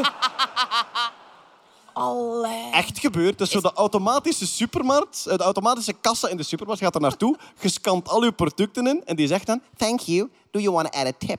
En dan geeft hij zo drie suggesties, 5 dollar, 10 dollar, 20 dollar en daaronder een heel klein knopje, nee dank u. Ah, toch? Ja, en die zei, ja, ja, je moet niet, je bent, je bent niet verplicht. En zo, echt zo inspelen op dat Amerikaans gevoel van je moet toch altijd eigenlijk eh, een fooi geven. Maar de, de backlash op het internet was zo groot dat ze het eigenlijk onmiddellijk met schaamrood op de wangen eh, afgevoerd hebben. Eh, maar het is wel even gebeurd. Eh, wat, is er, eh, wat is er nog? Ik denk ehm, op dit moment in Noord-Amerika uitgerold. Een app om een kleinkind te huren. Oh, wow, wow, wow, wow. Om een kleinkind te ja, een huren. kleinkind of een Ja, maar ja. Ah, geen... geen... Oh, Ja, ja. ja, ja. Nee, nee, nee. Ja. Ja. Klemtoon is belangrijk. En hoe heet die app dan? Lolly? Nee, het wordt nog erger. De app heet Join Papa. Oh, maar ja. Maar het is Geen beter- sponsor, het geen is sponsor, geen sponsor. Het is beter dan Come to Daddy, hè? Ja, dat is waar. Eh, de app is oorspronkelijk opgericht omdat in Noord-Amerika heb je mensen die echt eh, ja, heel ver verhuizen. Dat is daar iets gangbaar. Hè? Zo cross-state, echt verhuizen naar een andere staat. Dat is daar iets gangbaar. Dat komt vaak voor. En dan voor Thanksgiving giving vliegen die allemaal terug naar hun, naar hun hometown. Maar daardoor begonnen ze te merken, heel veel oudere mensen hebben totaal geen sociaal netwerk. Dus hebben geen, eh, hebben geen kinderen en geen kleinkinderen vlak bij hen in de buurt. Maar die kleinkinderen wonen dan elders en daar zitten dan weer eenzame, ehm, eenzame grootouders in de buurt. En dus oorspronkelijk is dat bedoeld voor typische taken die je sociaal door familie kleine boodschappen, medicatie, af en toe een keer checken hoe dat met u gaat, telefoontjes enzovoort. Daarvoor is die app opgericht. Die bleek heel succesvol. En nu zijn er zelfs grootouders die die gebruiken om gezelschap te huren. En dan echt zo iemand te laten langskomen. Ja, ja. Maar dat, beg- dat begrijp ik allemaal, maar je, je noemt dat dan toch niet huur een kleinkind? Of, of... Ja, oké, ja. Wel, maar ze hebben, ze hebben het zo wel gemarket, van, ja. van eenzame grootouders. Je kunt... Zeg, en kun je dat ook huren voor je eigen ouders? Als die zo de hele tijd zitten, wanneer Ah, ja. komt er een kleinkind? Dat je het zo al een keer kunt Voor- zien. Hier, hier heb je er een. voor een verjaardag een abonnement, ja, voor een verjaardag een abonnement geven op eh huur een kleinkind. Ehm, dus ja, er zijn mensen die dan. Het is wel betaald natuurlijk. Het is eigenlijk als vakantiejob eh, lief zijn voor een denkbeeldige... Ja, een echte grootouder, maar waar je geen familieband eh, mee hebt. En er is nu zelfs een eh, zorgverzekering voor ouderen die gratis twee uur kleinkind per week meegeven. Bij aankoop van één doos luiers. Ja, omdat ze gewoon merken dat er minder medische problemen ontstaan, dat de mensen meer op hun gemak zijn en vooral dat er meer op de gezondheid gelet wordt, dat er iemand langskomt die zegt, zouden een keer niet zo en zo en zo doen. Voilà, kijk, Dus twee ik uur per week krijgen die zo'n puber binnen die één uur op frigo komt leeg eten. Ja. Heb jij geld voor mij? Ja, waarschijnlijk. En de notto in de prak rijden. Ja. Oké, eh, we hebben eh, nog één afsluitertje vandaag, want er is nog geen kak met dieren gepasseerd. Gelukkig, Jeroen Baart, ben jij erbij. Ik heb eh, een klein ideetje gehad. Eh, de mensen die het nog niet weten, of de mensen die het al wel weten, houden we even gezien. Eh, ik ben vorige week donderdag op reis geweest met mijn kleine hondje, Oh. eh, Poncho. Ehm, wij zijn naar een heel speciale plek geweest, eh, naar eh, de Zoo van Antwerpen. Eh, bedankt, de Zoo van Antwerpen. En ik heb daar iets gekregen. Wie kan al raden wat ik gekregen heb? Ik heb die eh, inderdaad gehaald in de Zoo van Antwerpen. Ik heb die... eh, ja, ik ben nog gaan eten, maar ik kon mij niet inhouden. Eh, ik heb die dan meegenomen op de trein. Ik kan u zeggen, het stonk een beetje. En iedereen in de wagon was naar Poncho aan het kijken, beschuldigend. En ik kon natuurlijk niet zeggen... Nee, nee, nee, nee, het is niet mijn hond. Het is deze zak kak. Moeilijke. Ik ben dan thuis geweest, ik heb die allemaal gelabeld. Ik heb die vervolgens duidelijk gelabeld dat er niemand... Maar ik maak al eens een chili con carneke, je wilt u niet vergissen. Ik heb die dan in de frigo bewaard. Ik heb die in het hotel in de minibar bewaard. Om die vandaag voor jullie hier mee te nemen, want we spelen Ken je keutel? Het principe is heel simpel. We gaan er snel doorgaan. Het is heel simpel. Ehm, wat dat we eigenlijk gaan doen is, eh, om het voor de mensen thuis auditief ook goed te maken, ik ga één van jullie een kaka geven. Je probeert die zo goed mogelijk te beschrijven. We raden een paar keer en dan vertel ik een leuk weetje over, leuk weetje over het diertje. Zijn jullie er klaar voor? Heb ik een jingle? Eh, dat kan, denk ik. Ja. Ik ben vierde stem. Oké. Dieren. Kaaknieuws. Goed. We gaan beginnen. Els Aerts. Ja, jij krijgt van mij nummertje 1. Ik moet ook nog iets zeggen, de, de potjes mogen niet open. Ik heb, een, ik heb een document moeten tekenen, omdat dit een biohazard is. Ze hebben natuurlijk schrik dat er ziektes van die uitwerpsel op mensen over, ko- overspringen. Ik had heel veel schrik dat er hier op Noordland Festival een kleine aan een olifantenkak zou likken en dat we volgend jaar terug in lockdown zaten. Dus ik moet zeggen, niet doen. Oké, Els, wat denk je dat het is? Beschrijf het. Het is redelijk groot. Eh, ja, het is een redelijk groot... Allee, het is echt zo een goed, goed zakje vol, zeg maar. Ja. Zo groot als een cavia-grootte. Ja. Ja. Ja, het, is, het is vezelrijk. Ja. Toch sappig. Een planteneter. Ik, ik wens nu een gok, Els. Eén gok. Ik ga, ik ga Kurt laten gokken, want ik weet het eigenlijk al. Kurt, ik een gok. Eh, een grote planteter. Grote planteter. Het is... eh, wat mogen de potjes niet? Open, sorry. Ja, voilà. Eh, wat mogen... Het is de neushoorn. Oh, wauw. Ja. Daar kun je... Geen zorgen, het zou geen wetenschappelijke, wetenschappelijke show zijn als ik geen neushoornfeitjes had. Die kunnen tot 25, 25 kilogram per dag maken. En heel belangrijk, de neushoorn gebruikt zijn kaka als een sociaal netwerk. Dus die laat dat overal achter en zo weten neushoorn van, neushoorns van elkaar... Nee, nee, hier woont de Rudy. Hier mag ik niet over. Dat is echt bestudeerd. Je kunt daar kaarten van vinden van neushoorns die met hun poep afbakenen. Dit is van mij. En ook in andere gebieden poep gaan leggen om te laten weten... Ik zou hier wel eens willen komen. Dus dat is echt een sociaal netwerk. Dat is echt zo, ik ga iets achterlaten op Rita haar Facebook-wall. Ja, voilà. Deze moeten we doorgeven naar Hetty. We gaan naar beestje nummer twee. We gaan er een beetje vaart achter zetten. Ik ga er maar, maar, maar zes doen. Hetty, beschrijf het kort. Beschrijf het kort. Een k- klein, eh, groot, de grootte van een, rode boom, veel, een, een, vijftiental. Zeer, het potje is zeer gecondenseerd, dus daar zat heel Dat wat- kan een tip zijn. Ik eis nu een dier, oh, Hetty. Dat, dat kan een tip zijn. Bever. Het is een koala. Oh! Ongeveer zo Gelijk groot. zeg jij bever. We mogen het niet open doen, maar jullie mogen ervan op aangaan. Van iemand die het potje zeker niet heeft opengedaan. Het is bij de best geurende kaka ter wereld. Omdat koala's enkel wat Ai, eten. Eucalyptus. Inderdaad, dus zeer welriekende kleine droplets. Absoluut. Absoluut. eucalyptus. Koala's kunnen zelfs kakken terwijl ze slapen. Ik weet het, om jaloers op te worden, omdat die, die hangen 23... Ah.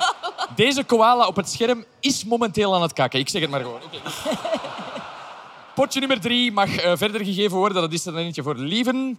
Oké. Ik eis heel snel een Ja, antwoord. We hebben echt zo, ja, bijna olijven, Dat is- ja, verschrompelde olijven, olijven. Olijf, olijfkleurig ik, ik denk inderdaad. aan een konijn, maar groter, dus ik ga voor de capybara. Het is bijna juist. Het is de okapi. Okapi. Wauw. Een leuk weetje over de okapi. De eerste 60 dagen nadat die geboren zijn, kakken die niet, de jongen, omdat dat eh, eh, roofdieren zou aantrekken. Oh. Dat is evolutionair zo gegroeid. Geen probleem. Eh, we gaan naar nummertje 4. Het voelt alsof dat ik hier de slechtste dealer ooit ben. Eh, eh, eh. Nummertje 4, Marian. Beschrijf de kak. Het is terug Je bedoelt van... Groot. slechtste dealer ooit omdat je dingen weghaalt uit Antwerpen? Of wat bedoelde je juist? Ja. Nee, nee, dat is het. Dat is... Dat is het grappige. En mijn vloek volgende week, omdat ik een document getekend heb, moet ik die allemaal gaan terugbrengen.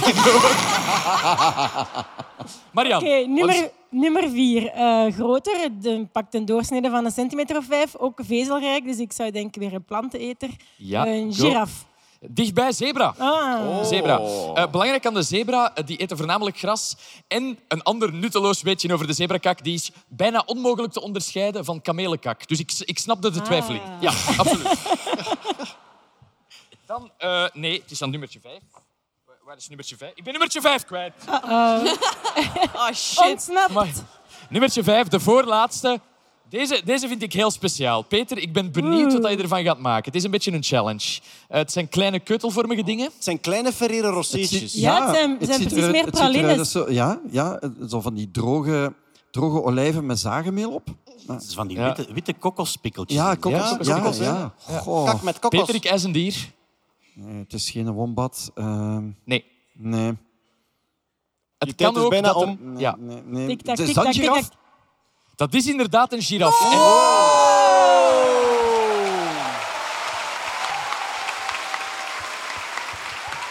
Wauw. Wauw. Weet je, ook, Peter, Nou. waarom, weet je ook, Peter, waarom een giraf in verhouding tot zijn gigantische lijf zo'n kleine kakjes heeft? Ik heb geen flauw idee. Wel, een giraf is een van de dieren die het meeste voedingsstoffen uit zijn voeding kan halen. Die hebben een heel sterke maagsappen, alles dat erbij komt kijken. En een giraf die, die doet eigenlijk alleen kwantiteit. Want er blijft gewoon te weinig over om in zo'n kakje te steken. Maar zo'n zo'n giraf kan wel ongeveer 15 kilogram van die korreltjes per dag produceren. Maar dus het blijft wel indrukwekkend. Ik wist niet, je denkt groot beest, grote kak. Een giraf is echt, ook voor de mensen thuis, dat zijn konijnenkeutels. Dat is een beginnersfout. Groot ja. beest, grote kak. eh, In de biologie leer je heel snel eh, Ja, dat en dan niet... eh, Bar- Bart krijgt mijn favoriet. Oh, een grote. een, een kokosnoot groot is deze. Een kokosnoot groot, Bart. Weegt ook immens. Maar weet je wat het probleem is? Ik ken geen dieren. Eh, wow, redelijk, redelijk nat ook. Echt zo'n gecondenseerde blok. Is het nat langs de buitenkant? Want dan heeft de zo van Antwerpen een Eh, probleem. nee, nee, nee, nee. Dat is alleen mijn angstzweet, omdat ik nu iets Ja. zinnigs moet zeggen. Ah, en, en toch ook eh, redelijk... Ja, het ziet er bijna stro uit ook zo. Ah. Wauw. Ik Eh, eis een gok, eh, Bart. goh, Typisch ik groot weet dat niet. Wat, wat, wat heb je daar al? Een, een, een gorilla. Nee. Nog armen, die gorilla. Dat is toch een dier? Auw. Hoe moet u? Jezus. Wilt er iemand anders gokken? Olifant. Olifant? Welke olifant? Oei. De Indische olifant. We hebben geluk dat het een Indische is, inderdaad. Want de olifanten uit Afrika, de Afrikaanse olifant, die leggen echt koeiendrekken. Oh. Dus dat ik dat mee had gekregen van de zoo. En eh, ja, eh, olifanten die uit India, de, dus de Indische olifant, dat is echt een kanonskogel. Die kunnen tot 180 kilogram per dag eten en er 100 kilogram terug uitkakken per olifant. Oela. Dus ongeveer, ongeveer 20, 25 van die kanonskogels, die kunnen evenveel kakken als dan een reuze panda weegt. Per dag. Dat, vind- dat vind ik wel een flex, persoonlijk. En er wordt papier van gemaakt van eh, die uitwerpselen. En Peter, nog een leuk weetje, het is ook extreem muggenverdrijvend. Wauw. Echt? Als zou het open mogen en je zou je insmeren, geen last van muggen. Ah, cool. En van andere dingen. Dus ja, voilà. Dus ja, dat is, dat is een beetje mijn avontuur geweest. Eh, ik moet zeggen, ik heb dit ook voor de kindertent gedaan.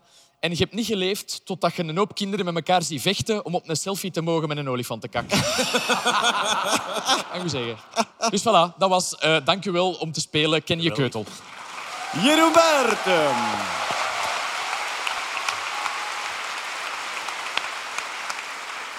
Ah ja, sorry. Ziezo, daarmee zijn de nieuwtjes geweest, maar we hebben natuurlijk nog een paar aankondigingen. En de eerste aankondiging, eh, Hetty, dat is dat wij ook dit jaar, in de kerstvakantie dit keer, een grote show voor kinderen doen. De Nerdland for Kids in de Lotto Arena. Ja, klopt. Hebben we al een datum daarvoor? Zeker Ja, wel. ja, ja, ja. We- 27 december, dat is de datum. Dan gaan wij eh, een nieuwe Lotto Arena vullen. Hè? Voilà, 27 december, een nieuwe Nerdland for Kids show in de Lotto Arena. Wij omschrijven het zelf vaak als de, de kinderwetenschapsshow die wij zelf graag hadden willen zien. Klopt. Met veel verwondering, weetjes enzovoort. Ehm, zijn de tickets al te krijgen? Die zijn zeker te krijgen op www.lottoarena.be. Op www.lottoarena.be. www.lottoarena.be en alle informatie op www.nerdland.be natuurlijk. Ik ben verder op tournee. Ik ben in Nederland op tournee in de maand juni, namelijk in Wageningen, Amsterdam, Utrecht, Breda en Leiden. Jeroen, jij hebt ook nog lezingen die eraan komen. Ik heb een AI-lezing die ik aan het maken ben, volledig complementair aan de lezing van de grote chef. Ik ga er iets eh, harder en negatiever op in, maar die kan ik zeker aanraden aan bedrijven die zich nu afvragen van mijn god, wat moeten we met al die AI? Eh, daar ben ik aan het werken, rustig aan het verder boeren. Dus eh, ja, eh, mailt mij. Voilà. En dan hebben wij natuurlijk ook nog een sponsor van deze podcastaflevering. En het mooie is, dat is ook een sponsor van ons festival. Die was hier ook aanwezig met een indrukwekkende stand. En dat is niemand minder dan Telenet. Telenet, absoluut. Ehm, ik ben, ben, ben eventjes hun... eh, eh, ja, applausje voor Telenet, absoluut. Ja, maar ja. Voilà. Ehm, de reden waarom Telenet sponsort is vooral omdat zij technische profielen zoeken. Dus zij willen, even- zij willen graag laten zien welke technische speeltuin zij aanbieden aan mensen die graag bouwen met techniek, nieuwe netwerken maken en fiberkabels enzovoort. Ze, ze ben hier even op de stand rondgelopen. Ze hebben nu ook voor in huis hebben ze de Telenet Plumepods. Dat is een wifi-mesh-systeem. Dus eigenlijk een hoop slimme wifi-toestellen die met elkaar communiceren in plaats van de oude wifi-repeaters die gewoon wat ze horen opnieuw verder schreeuwen. Eh, dus dat is nieuw. En ja, in hun Tech Playground ze zijn op zoek naar heel veel profielen van data-analysten tot netwerkengineer tot researchers. Ehm, ja, ze zijn ook sponsor van het festival. En wat dat ik wel moet, moet opmerken, ehm, ik ben even in de stand langs geweest en die mensen zijn echt wel passioneel bezig met heel moeilijke problemen. En die krijgen ook de, de tijd en het budget om daaraan te werken. En dan moet ik, eh, los van het sponsorship of niet, dat kan ik alleen maar toejuichen. Die pakken echt hun tijd om technische problemen aan te pakken, om technische problemen te laten analyseren door hun mensen en nieuwe, ja, nieuwe opportuniteiten aan te gaan. En daar kan ik alleen maar van zeggen. Dat is interessant. Als je naar een nieuwe job zoekt, eh, geef ze een belletje en eh, daar kun je zien. Probleemoplossend vermogen in technische sferen eh, is daar eh, heel hard nodig. Oké, zo zijn we aan het einde gekomen van deze podcast-aflevering, maar ook aan het einde van eh, ons Nerdland Festival. Ehm, de beste editie ooit, vond ik zelf. Ja, we hebben... ehm,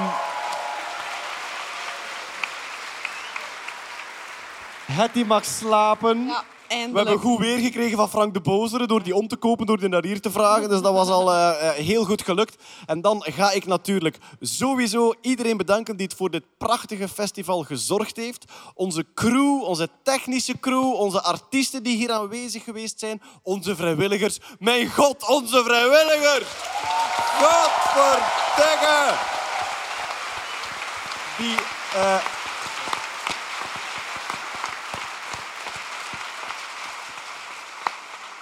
ongelooflijk werk en vooral alles zo vlot laten verlopen. Ik zag zo constant rond mij van die eh, lichtblauwe t-shirts lopen. En 400 man, vrouw en alles 400. daartussenin. Hè. Voilà. Ja, Constant ja. lopen, alles wordt geregeld. Fantastisch.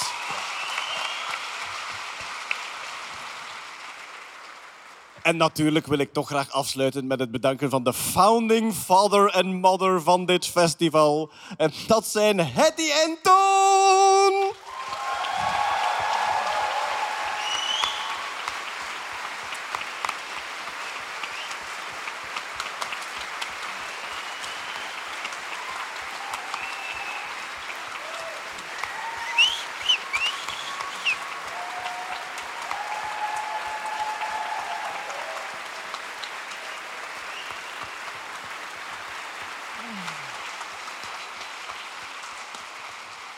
Het was weer een huzarenstuk. En voor het zoveelste jaar op rij, helaas met die covid-onderbreking, het is een prachtig festival geweest. Natuurlijk ook heel die productieondersteuning vanuit Working Class Heroes. Leslie Njord, eh, Stijn, Rick, eh, Davy. Ik vergeet veel te veel. Valerie, Eh, Valerie, ja, ik- Lana. ik, vergeet veel te veel mensen. Ik zal ze straks allemaal persoonlijk gaan bedanken. Maar nu ga ik deze podcast afsluiten. Bij ons was onze huisband, de Johnny Trash en de Nerdland Maandoverband. Er was ook Jeroen Baert, Els Aert, Kurt Bijt, Hedy Helsboortel, Maria Verhelst, Peter Berks en Bart van Peer. We zien u graag een volgende keer. Dag!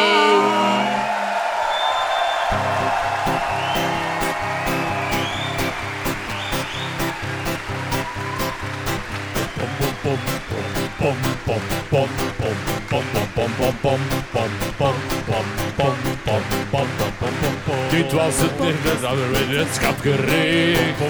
Wij zijn zelden van onwaarheden beticht.